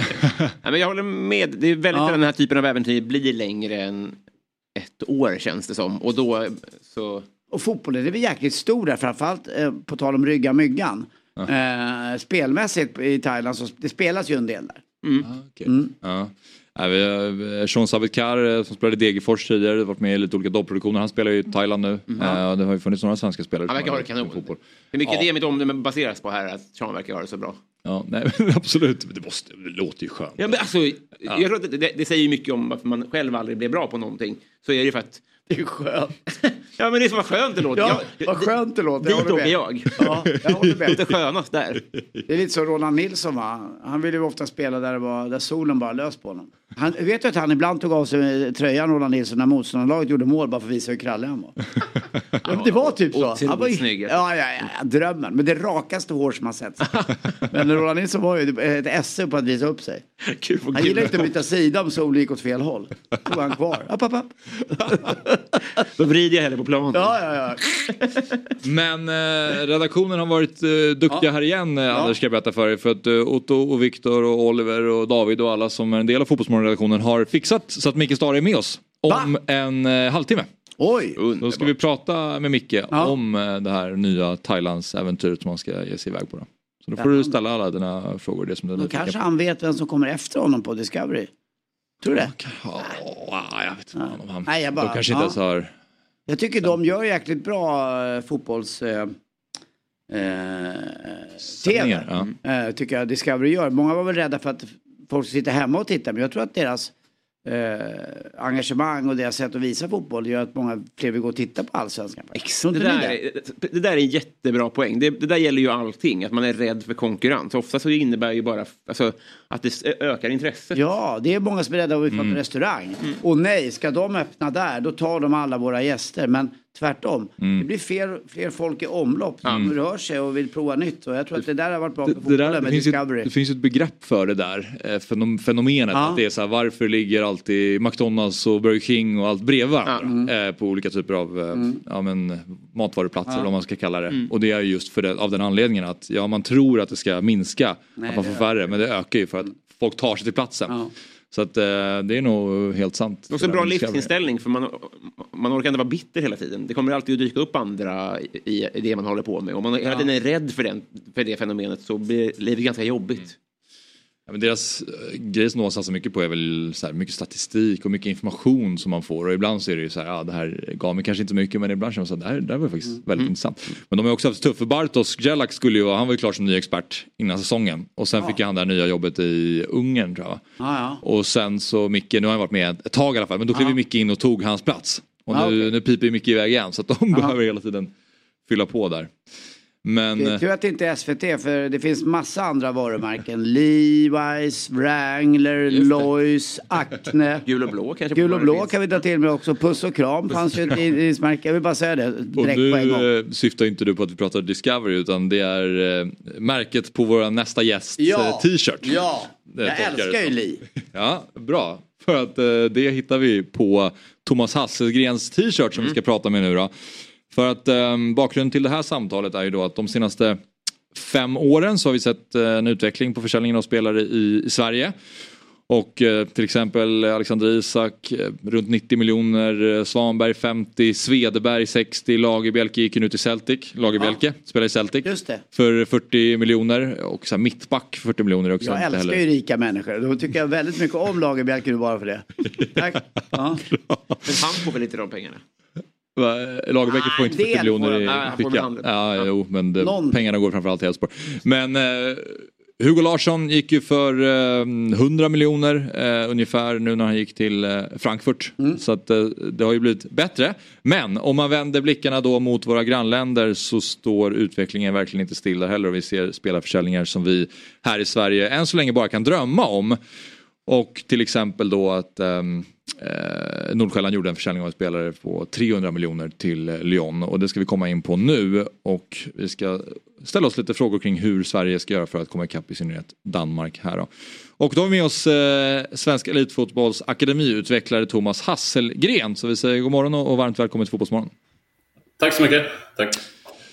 Um, Malmö FF sportchef Daniel Andersson eh, gjorde en intervju här i Sydsvenskan, pratade lite om det här ämnet då och eh, sa till exempel att en anledning kan vara att det är möjligt att danskarna är modigare än vad vi i Sverige är. Eh, håller du med Daniel där eller förstår du vad han, vad han syftar på? Det är, det är väl svårt att säga. Mycket av liksom transferekonomin styrs ju av ligaranking och sen så är det ju ofta så att har man sålt någon spelare för ganska mycket pengar så är det lättare att få nästa så blir det lite ringa på vattnet då. Men, men jag skulle säga att den här Uefa-rankingen är väldigt, påverkar rätt så mycket eh, status för lig, liksom status på ligaranking, vad man får ut i transfer sen då. Sen har ju danskarna varit duktiga i många år och slussa in unga spelare, det är de man betalar för idag då. Så att säga. Så att, Ja precis, eh, om du utvecklar liksom vad, för det var ju det som eh, Daniel Andersson var inne på, men vad skulle du peka på är liksom den främsta orsaken till glappet mellan svensk och i synnerhet dansk fotboll? Nej, men alltså, danskarna har ju alltid legat långt fram när det gäller talangutveckling och, och i många, många år. Så att sen har ju de sista åren skruvat ordentligt på det och investerat i enorma summor och återinvesterat på de här försäljningarna som du pratar om.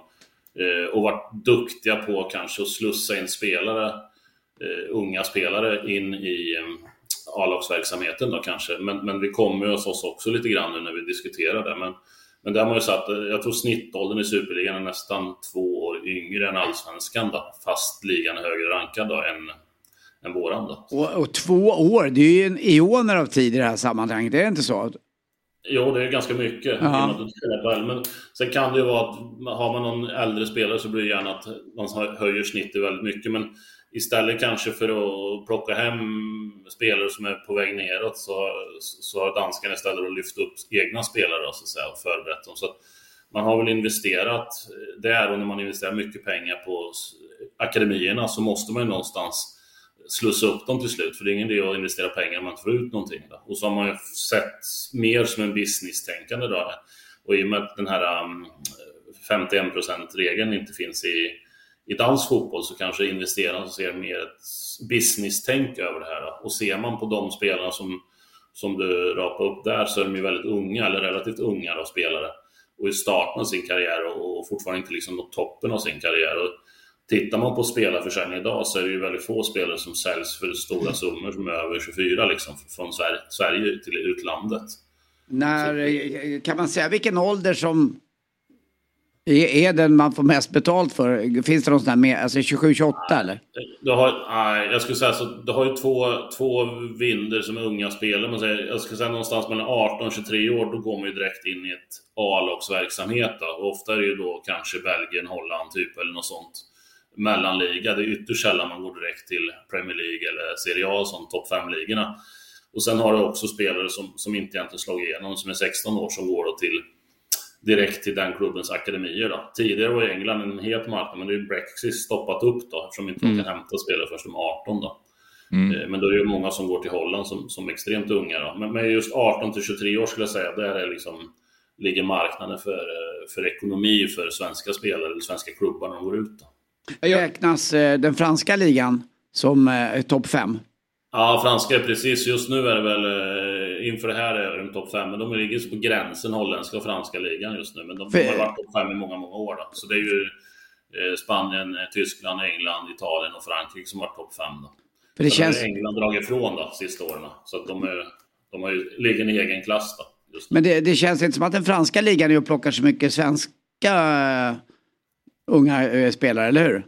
Det är väl några spelare som har gått, men det är, det är väl mest... Det pengar, det störst pengar är ju England, klart, klart störst. Liksom. Mm. Så att, men det är ju även, alltså, vi har ju ganska bra transfersummor även i, till Belgien och Holland också, då, förhållandevis bra.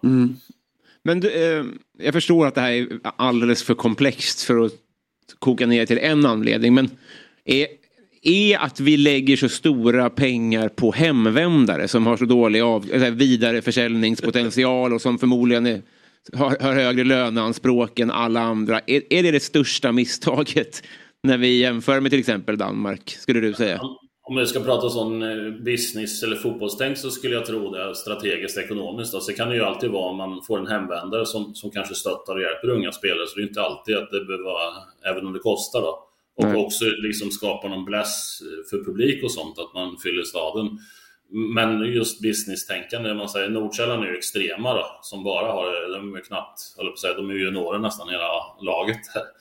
Eh, så, så att, men, men, men det, det är liksom, ja, skulle du tänka ekonomiskt skulle du egentligen inte ha någon spelare över 23 då, men det måste vi ha. Så att säga. Jag, jag vill inte säga att det är hans fel, men det är allt Marcus Rosenbergs fel. Att alla vill... Har satt standarden för Ja, för hur bra det kan bli med en hemvändare.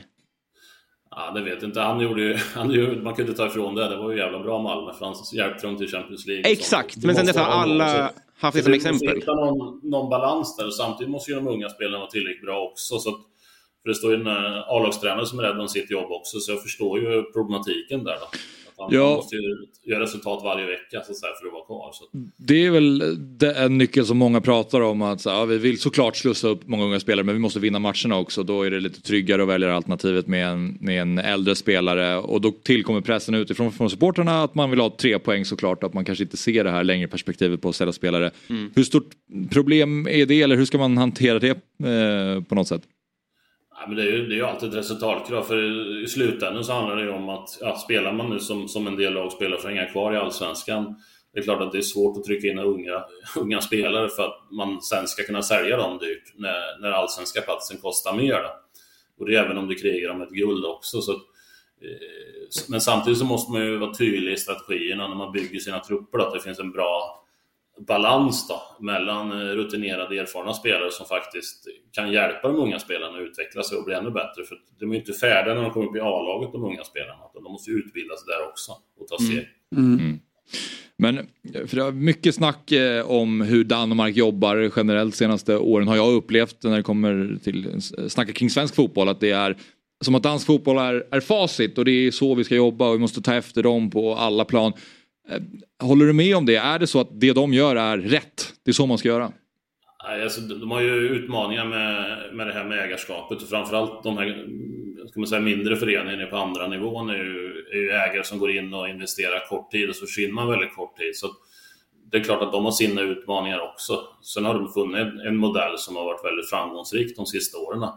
Och framförallt att man har varit tydlig med, med strategier att slussa in spelare. Men det finns väl i, det finns inget som är facit, för du kan göra en sak i en förening så gör, du samma sak i en annan förening och misslyckas. Så varje klubb är ganska unik i sig då, och sin, eh, sin DNA och sin kontext. Då. Så att, mm. Men kan du ge åt ett annat land? Alltså är liksom eh, Östtimor, är de jävligt bra på det här också? Att man, det är så lätt att gå till Danmark men de har ju inte 51%-regeln. Och, man skulle vilja ha en annan referens på ett, på ett land som också pumpar ut, som gör rätt.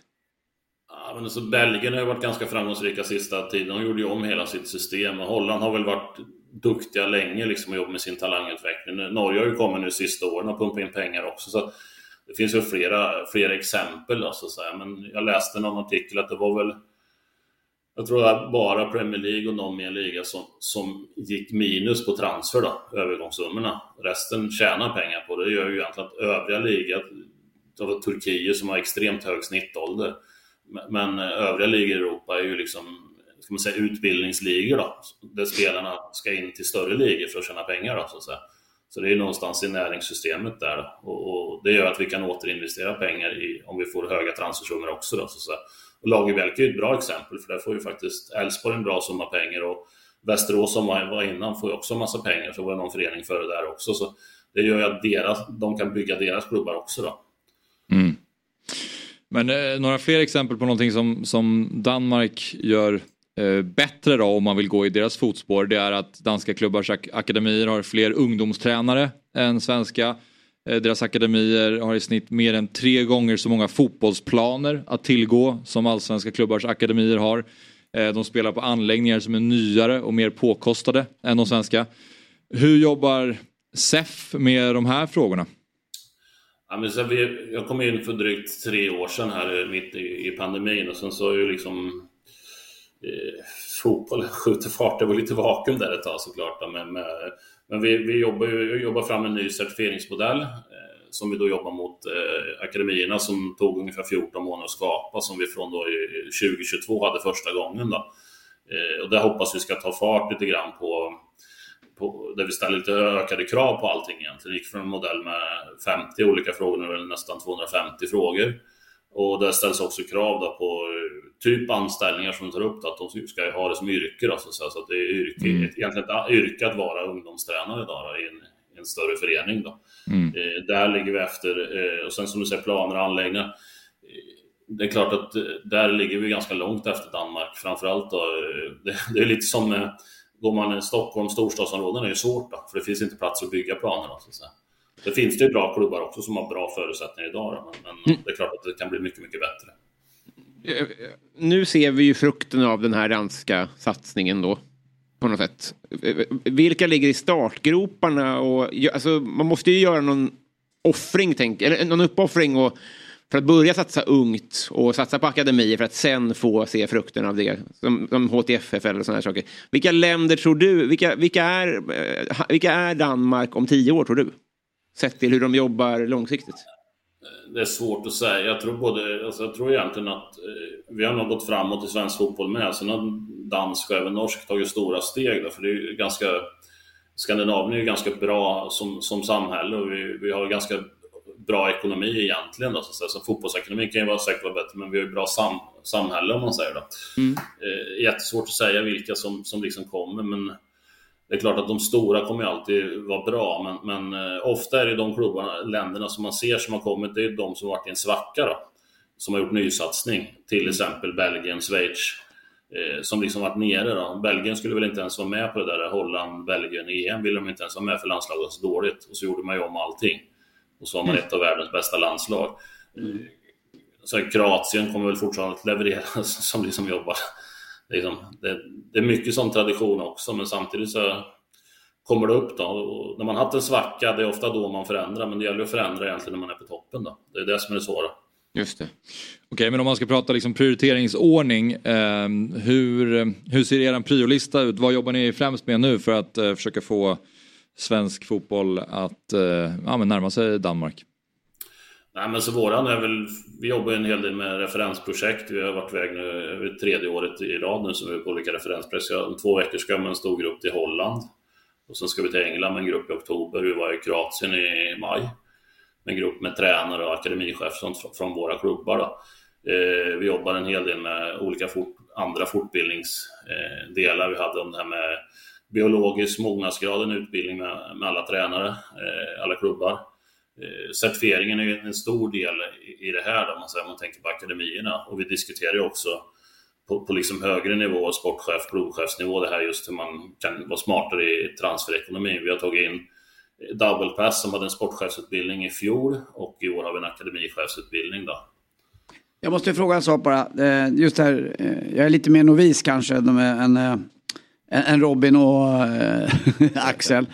Jag undrar, du sa certifiering och akademi har jag ju fått lära mig nu genom åren. Kan vilket lag som helst säga att de har en akademi eller måste man vara certifierad för att ha det namnet så att säga bakom eh, sin klubb? Det är ju inte något skyddat, men man kan säga att för att vara akademicertifierad förening så måste man tillhöra då eh, Allsvenskan, Superettan eller Ettan då. Ja, okej. Ja, så det, det, vi är väl 42 klubbar som har liksom, eller 40 klubbar som har, och så är det ett stjärnsystem 1 till 7 stjärnor då. Så det är 40 klubbar som fick en, stjärn, en stjärna eller mer i fjol. Ja, för jag hör ju ganska ofta i min bekantskapsrest där de säger att deras son eller dotter spelar i akademin och då wow blir det liksom. Det, det är väldigt viktigt att man säger just akademin. Det har ju fått en viss status. Ja, jag tror det är framförallt Stockholmsområdet, men det är många klubbar liksom som använder det begreppet. Då. Mm. Sen är inte det skyddat, men vi säger en akademicertifierad klubb via Junicoach då, som är vårt projekt. Eh, det kan bara de, de föreningarna ha. Ja, okej, ja, men då fattar jag. Tack! Så åker man ur ettan då tappar ens akademi sin, sina stjärnor också? Ja, det gör man. Man får, får ett år dispens då, får man om man har fått den. Men jag kan säga, det är tio klubbar i ettan som är i år och det är ingen som hö- en klubb som har två stjärnor, resten har en stjärna från ettan. Så det är ganska tuff, tuffa krav för en klubb på den nivån. Då. Och Malmös akademi eh, står starkast va? I Ja. Malmö är enda som har sju och så är det bara AIK som hade sex och så är det väl fyra som har fem då, om inte jag minns helt rätt. Och bland alla som är med här i Fotbollsmorgon så är jag den enda som inte riktigt är certifierad, ska du veta. Så Jag kämpar Ja, ja. på här i division 2. Ja, jag är lite som eh, Halmia. Tack, jag vill bara säga det. Tack. Men eh, grymt Thomas, eh, stort tack för att du var med. Tack så mycket. Tack. Tack snälla. Ha det gott. Jag är inte orolig för svensk fotbolls framtid rent eh, akademiskt. Alltså, ak- alltså, vilken ordning och reda han hade på det här. Verk, Va? Verkligen. Det är inte bara ett inlägg och en hörna och sur på frispark eller inte, utan det är ju sånt här som är bakom som gör att vi kan se på fotboll på Discovery eller ha ett favoritlag eller någonting. Men det glömmer man ganska lätt bort som tittare när man är sur på en domare, att det sitter såna här killar eller tjejer och faktiskt bygger svensk fotboll. Häftigt. Och de har en ganska stor press på sig nu med tanke på just att eh, Ja. Danmark och Norge har ju också, de, Norge hakade ju på Danmark för några år sedan tidigare än Mm. vad Sverige har gjort vilket innebär att Norge också, just de här frågorna kring planer och tränare, Mm. man satsar på akademier, där ligger de också före och har en eh, högre rankad liga dessutom just nu eh, än Mm. allsvenskan där allsvenskan har legat före, jag vet inte om det heter tippligan fortfarande. Men Jo, jag tror det. gör den det? Jag vet inte. Ja. Skitsamma. Jag får bara säga en liten grej. Ja. Vad sjukt det är. Jag visste inte att Lagerbielke, jag har nog glömt att han kom via Västerås. Ja, jag med. Arosvallen. Men de får sluta spruta ur sig snaggade mittbackar till landslaget nu. Vad, vad pågår? Nu är det, Det är det, Vicke sen Liston, sen Liston dog kanske. Eller han var Eskilstuna? Men han var väl i Västerås också. Ja, precis, den, precis. den är arge. Men varför är de så bra på att göra mittbackar? Det är konstig specialitet. Tre landslagsbackar. Asea Atom ligger ju där. Kanske är något sånt. Jag vet inte. Är det paus nu eller? För jag är Ja, vi jäkligt en törstig. paus. Jag ska bara fråga också, kan man en cliffhanger över reklamen eller vad det är? Är det relief på din skjorta eller tröja? Vad innebär det exakt? Att det är lite så- som en blindskrift? Ja, ja precis. Ja, Ja. det är det. ja. Så man kan läsa ditt namn om man drar sig? Ja, absolut. Du kan få känna i pausen. Vad, vad hette löpunderlaget? Tartan. Tartan. Är det, det är tartan på min skjorta? Ja, det är det ju. Lätt. Kan säga att eh, eh, tippeligan bytte namn till elitserien eh, 2017. Så det ligger bara sex år efter. Vi är så gamla. ja, borde man kanske kunnat. Eh, men nu ska vi ta en kort paus. När vi är tillbaka då ska vi prata med Saga Fredriksson och du ska springa iväg va? Ja tyvärr. Men Stare då? Ja men det är efter Saga. Ja, bra. Ja, Stare ska vara med. Ja. Ska du dra? Ja. Du gör en Andy. Jag brukar gå Precis, du tidigare. Ja. Ja. Ja. ja men pausen är kort så att vi är alldeles strax tillbaka och då ska vi pra- prata med Saga Fredriksson så att eh, sitt kvar.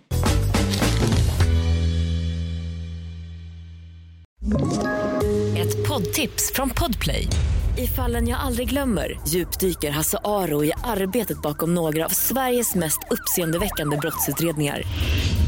Går vi in med hemlig telefonavlyssning och, och då upplever vi att vi får en total förändring av hans beteende. Vad är det som händer nu? Vem är det som läcker? Och så säger han att jag är kriminell, jag har varit kriminell i hela mitt liv men att mörda ett barn, där går min gräns. Nya säsongen av Fallen jag aldrig glömmer på Podplay.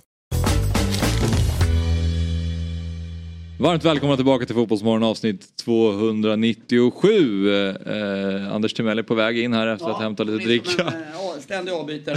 Sätt mig nära dig. Ja, Kan jag känna på den här? Ja, det är relief. Visst, Ja. visst. Ja. Vad det Axel. jag utgick från att du menade, Ja, jag var inte helt bra. säker. Ja. Eh, Robin har som sagt, eh, han var tvungen att springa iväg. Eh, men vi kör på här då, i Fotbollsmorgon och nu ska vi prata med Saga Fredriksson. Eh, Och eh, efter att ha representerat klubbar som Rosengård, eh, Limhamn Bunkeflo, UCF Knights. Sassuolo och Malmö FF väljer vår nästa gäst nu att avsluta karriären blott 28 år ung. Eh, Men vi gissar att arbetet inom fotbollen är långt ifrån över. Vi säger god morgon då till våran Dobb-vän, för detta fotbollsspelare och via Play-experten Saga Fredriksson. Hej, god Hej. morgon. God morgon. Jag är ledsen att vi är lite sena här. Eh, varit lite förskjutning i schemat. Men eh, Saga, bara inledningsvis, berätta om, om ditt beslut här att du lägger skorna på hyllan. Eh, nej men det är lite som du var inne på att eh, under tiden som jag har spelat så har jag ju också rullat in på en annan karriär som har, har tagit fart. Och eh, det känns väl som att eh, till slut så gick det inte och eh, det gick liksom inte ihop tidsmässigt och, och satsa på båda delar. Och eh, nu, nu kom det ena före det andra på något sätt. Så att, eh, det, väl lite, det är lite märklig timing och som du säger, jag- så gammal är jag inte än. Men, eh, men eh, det kändes som att det var rätt beslut eh, när man inte kan vara riktigt hundraprocentig på, på planen längre. Mm. Hur länge har du eh, funderat över det här beslutet? Oj. ehm, så här, det, det är ju hela tiden en avvägning. Ehm, när man är, är som jag är, att i alla fall vill göra allting så helhjärtat jag kan, så har det liksom hela tiden varit en, en balansgång av hur mycket jag har missat träningar och matcher och eh, då, då kommer ju den här tanken smygande ganska ofta. Så att, eh, exakt tid har jag väl inte så här i huvudet, men det har väl ändå varit en, ehm, en tanke som har varit där ett bra tag. Har du, eh, jag förstår att det här- har först gått i ditt huvud, först av alla förstås. Att du började deala med det här. Men har du märkt också med lagkamraterna att de har börjat undra också, ska hon få träna? Ja, du vet det här, den här avundsjukan som kan komma upp och som du kanske ville förekomma. Nej, vet du vad? Jag, jag har varit bortskämd med väldigt fina lagkamrater. Så åtminstone har det inte nått mig, så kan Nej. känslan ha varit där ändå. Eh, nej, men jag tror att eh, vi har byggt väldigt fina relationer i och med att jag var med från uppstarten i Malmö 2020. Så de, de vet vad jag är för typ av människa också. Så att, eh, jag tror att de, de vet liksom också att jag har hjärtat på detta stället. Eh, förhoppningsvis i alla fall.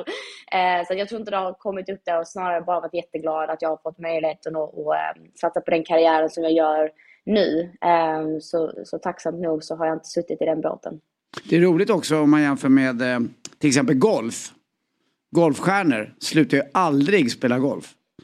Eh, nu kan man inte kanske jämföra dem för man kan spela golf lite längre upp i åren men, men det är ju modigt av dig att ta det här, det här beslutet när du bara är 28 år gammal och kanske har ändå några år kvar i dig så att säga. Men du känner, det går inte att kombinera det här alltså. Det går inte för dig. Nej, men om man ska bara titta på hur en vanlig vecka ser ut så jag reser ju enormt mycket. Så jag är ju, jag är ju knappt i Malmö längre.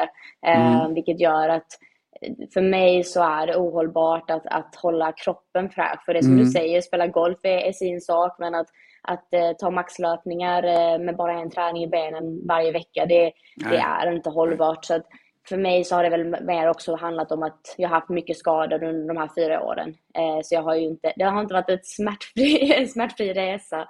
Mm. Eh, vilket har gjort beslutet, har ju påskyndats av det såklart. Blir det ett ekonomiskt avbräck för dig då? Eh, nej, det blir det inte. Det är ju såklart också en del i det här att det, de förutsättningarna har vi inte i de lägre divisionerna. Eh, och då, eh, då blir det någonstans så här att man måste se om sitt hem och se till att man faktiskt eh, tar nästa kliv i, i, i den delen också. Så att jag, ekonomiskt så fanns det ingen möjlighet att, att välja, det, välja fotbollen före arbetet. Och som jag verkligen vill vara tydlig med och jag säger i alla intervjuer jag är med i att det är en lyx att få välja någonting man också tycker är extremt roligt och älskar. Så jag, jag går också in till någonting som jag, jag trivs med. Det är, inte, det är inte bara negativt det här såklart. Kul. För du har ändå spelat fotboll väldigt länge och det har varit en stor del av ditt liv. Du kommer fortfarande jobba med det men inte på samma sätt. Hur, hur jobbigt har det varit att fatta det här beslutet? Eh, extremt jobbigt. Extremt jobbigt. Jag tror till och med att jag har, jag har nog, ehm, eh, vad ska man säga, sugit på den där karam- karamellen lite för länge till och med för mitt eget bästa. Det var, eh, det, det, det har tagit lång tid att marinera alla möjliga tänkbara vägar i detta. Och ska också lägga till att vi har haft ständig kommunikation, eller ständig kommunikation med tränare och, och klubben, hur man kan lösa saker och, och på det sättet så tycker jag väl ändå att alla har försökt sitt bästa utifrån förutsättningarna. Sen min verklighet har inte gått ihop helt enkelt och då, då får man ta ansvar själv. Och Men, bara, eh, initialt här så sa du också att eh, du, har, väldigt mycket fina fotbollsvänner. som du spelar med och att du aldrig hört någon skitsnack eller någonting. Och det blir väl jobbigt för dig att släppa dem. Eh, Det här omklädningsrummet grejen och matcherna och allt, allt det där runt omkring som jag, jag tror det, det kan bli en viss ab- abstinens av i alla fall, eller hur? Ja, visst är det så. Det är ju, om man tittar tillbaka, jag tror alla fotbollsspelare eller idrottskvinnor och män kan tänka, eller känna igen sig just i det där att, att eh, när man tittar tillbaka så är det ju vänskapen och, och relationerna man har byggt under tiden som, som är så påtaglig när man väl slutar. Och jag har ju nästan fått liksom så här vänja mig vid lite vid det, för jag har ju missat så mycket, framförallt detta året. Eh, de andra åren har jag ändå kunnat till ganska stor del vara, vara med. Men det här året har ju varit eh, extremt på alla sätt. Mm. Så, och så därav så har jag ju någonstans fått landa lite successivt i det, även om jag inte eh, helt har vant mig vid tanken ännu. Så att det, det kommer ju såklart kännas. Men sen har jag ett fint lag, eh, även som mina fina kollegor säger på jobb, att eh, du har ju ett, ett, ett tv-lag här som, som också kommer ta hand om dig. Så jag, jag är väl omhändertagen. Och där är du spjutspets då? Såklart. Men du, det var ju otroligt roligt att få höra din röst under hela sommaren och under alla matcher som man följde. Hur var det att jobba med eh, fotbolls-VM? Eh, ja, det, det går inte ens att beskriva. Alltså, att få se sin sport på det sättet och den inramningen som var, ja, alltså, det var bara helt magiskt. Eh, och för egen del, ja, men väldigt stor tacksamhet att jag fått det förtroendet jag fick från chefer och, och kollegor såklart. Jag fick ändå extra, stora matcher och, och arbeta med sådär mitt första mästerskap. Så för mig är det, det är lite så nyp mig moment eh, och bara försöka ta in det att man har varit där och, och fått uppleva det. Plus att Sverige gjorde en fantastisk insats. Ja. Ja, och umgås du något med Niklas Gide? Ja, vi stöter på varandra. Ja, jag känner ju honom lite grann. Men skulle du om, från mig bara be honom sluta på sitt Instagram. Hans stories ska alltid ackompanjeras av Lars Winnerbäck och det är så gräsligt. Att varje gång han lägger ut en story när han käkar någon enkel middag hemma och allt är precis mittemellan lagom. Så kommer en Winnerbäck-låt om att det är du vet nyponbuskar, nyponbuskar, tandläkarbesök, jag är mitt i Sverige. Bella. Han, är, han måste vara lite mer edgy eh, Niklas. Jag vet att det inte är hans läggning riktigt. Men du kan man, jag, det här är grott i mig. Som du hör. Så att eh, du kanske kan bara eh, eh få, få över det här till honom. Tack. Jag älskar ju Niklas personligen så att det är inte det. Men just det här i valet av Winnerbäck varje gång på en Insta-story. Fy fan. Jag vet inte om jag vågar ta upp den striden. Nej okej då. faktiskt. Nej, tror Jag, jag får be. Otto, våran eh, redaktör här, får ta det. Men om du bara hänvisar till Anders så är det Ja, liksom, han tack. kan ju Jag vill inte, bara få mig han kan det. inte Ja, skjuta ja, messenger ja, liksom. jag vill bara- Ja. Det var en, det var en enkel väg in tänkte jag. Ja. Saga verkar vara en snäll Men du kanske också måste låta Niklas bara vara Niklas då Anders? Att han, Winnerbäck kanske är, liksom, Alltså, det man, är... Ibland får man alltså låta folk vara som de är. Det kanske jag ska ta till mig lite också. Tack, jag tar till mig det. Tack. Jag förstår, du behöver inte säga något. Jag fattar precis. Tack snälla Axel. För. Ja, nej, det var, var slut så. Men du Saga, eh, jag tänker så här att eh, det är Malmö FF och IFK Göteborg, de eh, kommer ju att spela damallsvenskan inom kort. Eh, är ju eh, känslan. Och vad, vad tror du att det kommer innebära? Det är ju stora klubbar. Eh, på liksom, kan det vara viktigt för eh, svensk damfotboll? Ja, eh, alltså tyvärr, jag har ju inga, inget facit här, men, men tyvärr så tror jag ju att desto längre vi går framåt så kommer eh, damklubbar generellt ha svårt om de inte är kopplade till ett, här, ett herrlag från, från grunden. Eh, sen om, om någon annan löser den ekvationen utan ett herrlag så tycker jag bara hatten av. För att vi vet att det finns, vi- det finns klubbar i, ja, men till exempel, jag brukar nämna Vittsjö, eh, Kristianstad, som eh, har extremt jobbigt ekonomiskt. Eh, sen fotbollsmässigt hanterar de det för de har all den där kunskapen men ekonomiskt så, så börjar det ju gå mot eh, väldigt tuffa tider för, för många lag i damallsvenskan. Så det, det är klart att ja, jag vet inte om det var svar på din fråga men, men att det, deras framfart kommer ju vara mer given för de har en ett, ett annan struktur Men lite på gott och ont då tolkar jag det som.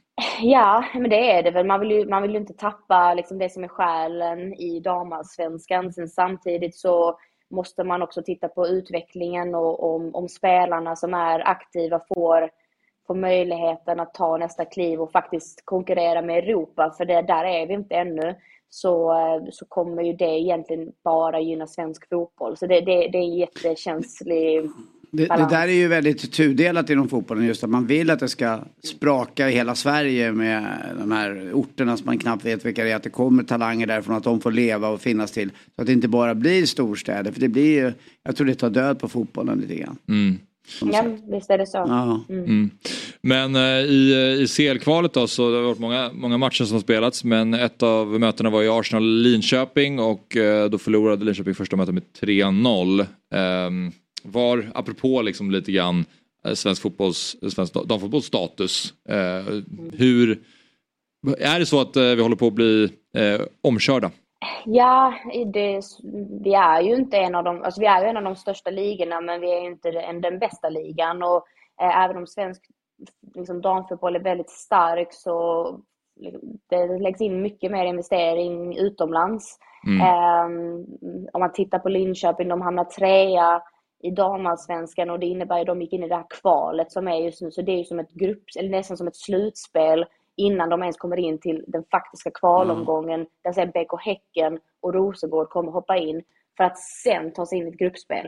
Så det här just nu, det är ju inte ens dubbelmöten utan de möter Arsenal, det var en chans. Och sen så är det som att de kommer till final på Mm. lördag spelas de eh, sista matcherna där. Så att det, det är en jättetuff väg att gå för ett, ett Linköping som inte har varit i den situationen tidigare.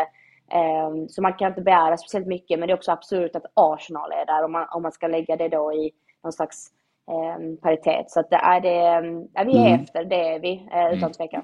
Jag tittade på sammandraget lite grann och jag tyckte Linköping hävdade sig bra. Det, det var inte, det kunde ha räckt med 2-1 eller något liknande. För Linköping hade några bra chanser också. Så att det var inte helt, även om vi torskade med 3-0.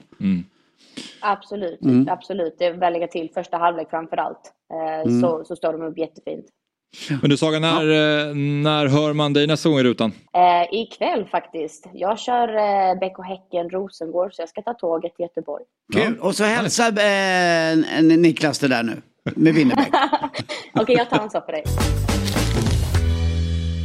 Vi kastar oss vidare. Tycker jag vi gör. Det går undan här med alla experter. Så va? är det. Och eh, nästa person Oj, är ju- modellen. Mm, precis, modellen. Sorry. Som har eh, varit med oss här tidigare i Fotbollsmorgon några gånger. Och nu är vi glada att han är med igen då. För det är ingen mindre än Mikael Stare. Välkommen tillbaka till Fotbollsmorgon eh, Micke. En stort tack, hörni. Du befinner dig i Thailand. Jag är i Thailand, absolut. Bra, för det är ju din, eh, din nya, eh, ditt nya hem. Hur, eh, hur, eh, hur kommer det sig att du Det är hamnade i... inte, jag kommer, jag ska, det, är, det är inte, jag ska, jag ska jobba där. Skillnad, men, Hur, hur, lång, hur många år har du skrivit på? Man skriver, eh, man har skrivit att, eh, jag har skrivit ett avtal som säsongen är, eh, har, är igång då så att eh, det spelas den fjärde omgången, det är där jag kliver in. Eh, Man har förlorat de första matcherna. Eh, Sen så, nu är det uppehåll då som, som det är överallt. Eh, Mm. Men eh, säsongen är fram till eh, slutet på juni tror jag den är. Eh, eller juni i alla fall. Eh, och eh, sen är det ett långt break i, efter halva säsongen som är i, runt jul. Så att först och främst är det så att det är att ta en jävla sats här och köra på och få laget att eh, få leverera vinster. Eh, och sen så är det ju, så att först är det ju då halv, till, till, till breaket i jul och Mhm. är det, startar man mitten på februari. Så att det, det är väl en, en, en tvådelad variant här. Så, att, eh, ja, så det är egentligen ett års, ett, en säsongsavtal kan man säga det då. Men jag måste fråga, eh, det här måste vara väldigt snabba bollar, inte puckar i det här. För att eh, du säger att det gick dåligt för dem i början. Fanns den här kontakten innan? Låg den latent liksom, mellan dig och den här klubben? Eller blev du tillkallad? Ringde de upp dig eller någon agent? det funkar ju så liksom att det är klart att jag har ju liksom folk som, som jobbar med de här sakerna åt, åt mig och tar fram uppdrag och så. Alternativ och sen har det funnits en diskussion där, där det inte har varit otänkbart liksom att, att den här klubben ska byta tränare liksom, kanske till och med in, in, innan eh, liksom, Säsongstart. börjar det gå dåligt. Så, så, att, vet du, det, så att eh, det har väl funnits där under en period. Så att, eh, sen så blir det ju alltid så att först är det lite snack och sen blir det mera allvar och sen blir det väldigt skarpt läge och sen blir det extremt snabba puckar eh, så, och bollar. Mhm. Eh, så att eh, det är ju både kul och lite läskigt. Okej, men det är din, eh, inte ditt nya hem, men din nya arbetsplats då i alla fall Micke.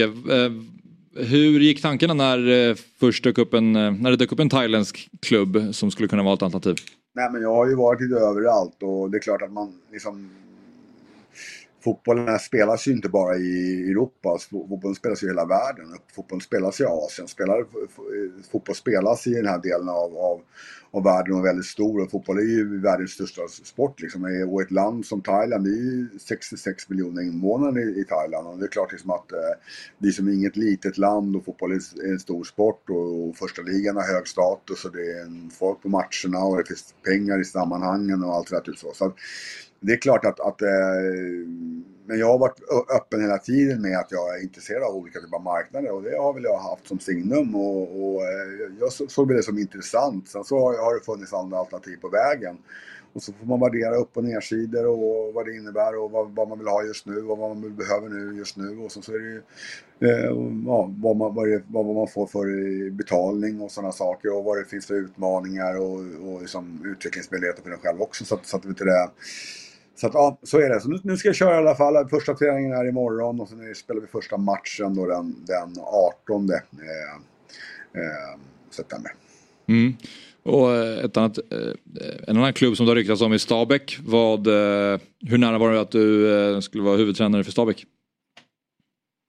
Alltså egentligen det är ett standardsvar som man har eh, som, som, som tränare. Liksom att man, man kommenterar inte sådana där saker. Liksom så. så att det, det, är väl, det är väl, och jag kör samma sak även här nu så att jag, jag vill inte kommentera det överhuvudtaget. Nej. Det är ju det är bra att äh, batten är ju stärkt mot kronan också. Vi som har äh, äh, koll på det där det som har varit på någon semester där någon gång.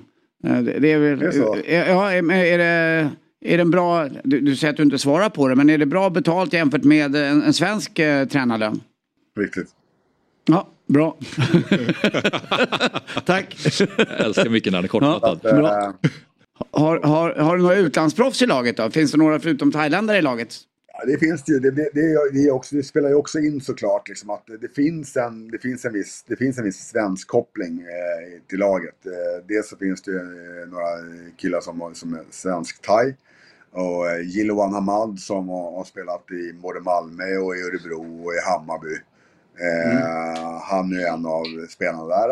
Eh, jag är inte så att jag känner Jiloan jätteväl, men jag har ju träffat honom och haft, liksom, det känns som spelare när man träffar honom som jag gjorde häromdagen så, så är det en, en bra och lättsam kille och kommer hjälpa mig mycket såklart. Eh, och sen så Ricardo Santos som har spelat både i, i han har spelat i Djurgården också, Åtvidaberg, Djurgården, ja, just det. Mm. Kalmar. Han har varit i Asien och han har varit han är både, både, både i Kina och i Japan. Så här, typ. Han har om jag inte är fel uppdaterad så har han också svensk fru tror jag. Så det, det, så det, finns, en, det finns en viss svensk koppling och han pratar svenska. Så, så, så att det, är väl inte en, en, det är väl inte en helt slump att, att, att man har landat här på, på så sätt. Hur ser det ut i det civila livet för dig då? Har du, har du barn eller är det i skolålder och annat? Eller kommer du pendla? Eller jag vet inte hur ditt civilstånd är riktigt, Mik. Nej, men, nej, men jag har ju jag har ju eh, vuxna barn och, uh så att jag, men vi får, se, vi får väl se då hur, hur vi gör med allting med och, och, och sådana bitar och mm, ja, om det går väldigt snabbt så vi får vi sätta oss ner och ha någon form av familjeråd där inom kort för att lösa ut hur vi får ihop det där. Så att, eh, så att nu först och främst så handlar det om att skapa, fram, skapa en plan fram till, eh, fram till jul och sen så får man se hur det ser ut. Det är ett långt break där, eller långt i alla fall en sex veckor och sen så är det ju fram till sommar. Mm. Så vi får, vi får se. Jag ser först och främst så att, eh, sen är det ju landslagsuppehåll också. Det är både oktober och november månad så är det landslagsuppehåll så det blir lite möjlighet att komma hem också. Det är också lite längre numera ska ni veta att flyga med Thai Air till, eh, till Bangkok i och med att eh, det här kriget mellan Ryssland och Ukraina så nu är det 11 och en halv timme istället för 9 timmar för man måste flyga över jordglobens välv söder om över, eh, över Medelhavet ner. Det är bara en liten parentes bara. Men det tar två, tre timmar mer nu. Ja. ifall du ska pendla mycket. Så att... Ja, jag kände så. Det var, det var en, dessutom hade jag en galen resa. För det var, det var åtta timmars försening i Istanbul. Så det var, det var en om, om man har, normalt sett är man ju jetlaggad ändå. Plus den här förseningen. Så jag, alltså jag vet inte fan alltså höger eller vänster. Alltså. Men... Eh... Så, så, så, så, det, så, så det, du vet, när man är extra hjärtläggad så har man sarongen bak och fram. det är inget bra. Nej. Men Micke, eh, hur, ehm, hur ledsamt är det att inte kunna liksom, slutföra säsongen på Discovery då, och följa allsvenskan in, in i mål? Det är ju ett skitkul jobb. Det är ju ett skitkul jobb. supertrevlig kontext. Eh, alltså det finns ju ingenting negativt med det jobbet överhuvudtaget. Trevliga kollegor, kompetenta kollegor. För jag tycker det har varit, har varit kul måste jag säga. Det, må, det, måste jag säga. Det, det är ju det som är det, det, är det som är det tyngsta i kombination med att det blir ett avstånd eh, hem till Sverige till sina liksom, nära och kära och så. Mm. så, så. Ja, Men, vi- men eh, jag hoppas väl att kunna liksom att, eh, jag hoppas väl att kunna ha, att ha känt så pass bra från, från båda parter att jag, att det, att det inte skulle vara helt uteslutet att kunna, på, i, liksom i, i, i, kunna jobba där i framtiden. Sen så, såklart så är jag ödmjuk. Jag förstår ju som att det, det är ett attraktivt jobb så det är många vill ha ett sånt jobb och så ska man, ska de finna sen igen. Så att, men eh, det gör jag gärna på något sätt i framtiden för det tycker jag var jätte, jättekul. Nu verkar det faktiskt som att det är um, vårat nätverk och inte Mickes som är problemet. Eller så är det din relieftröja som stöter ut eh, chockvågor i eh, Vad i tycker du- vad tycker du om den? Jag tycker om den. Jag Ja. gillar, det skulle kunna vara en lite längre arm. Ja, okej. Ja. ja. Problemet är ju att det här, jag har ju ett problem med mina passformer för att just Ah, att, du är att jag är lång, lång gänglig som pappa hade sagt. Ja, och jag måste då köpa XL eller XXL Ah, då blir de ju väldigt Nisses, breda. Nisses herrkläder. Hejsan, det är Axel Insulander. ja, Är vi klara då Otto eller? Ja, vi är klara. Vi ska avsluta Anders. Ja. Och innan vi avslutar Ja. bara så ska jag säga två saker. Mm. Dels att vi ökar med våra prenumeranter på YouTube. Vad kul! Eh, men vi kan bli bättre så vi hoppas Mm. att vi ska nå 20 000 prenumeranter innan september är slut. Ja, skärp er. Ni som tvekar, tveka inte. Det här är kul. Det här behöver ni. Det är en sån där grej man behöver ha med sig när man eh, pratar med folk. Hörde ni i morse? Nej, ja men ja, det där måste jag lyssna på. Exakt. Och den andra grejen är att man nu kan testa två veckor fritt genom att starta ett abonnemang och ange koden Fotbollsmorgon. Mm. Eh, och då pratar vi alltså eh, Dobb-TV. Och så kan man ju också tillägga att glöm inte att följa Anders Timell på Instagram. Vi Bättre blir det inte. Stort tack för den här morgonen Anders. Ja, tack själv eh, Axel Insulander. Ja, tack. Och eh, hoppas du är tillbaka. Vi hoppas att det inte dröjer typ tre månader. Nej, det kommer inte. Jag längtar bara till nästa gång. Ja, bra. Vi säger så. Eh, trevlig helg på er. Imorgon så är det Fotbollsmorgon lördag som eh, vanligt. Trevlig helg. Hej. Fotbollsmorgon presenteras i samarbete med Oddset. Betting online och i butik. Ett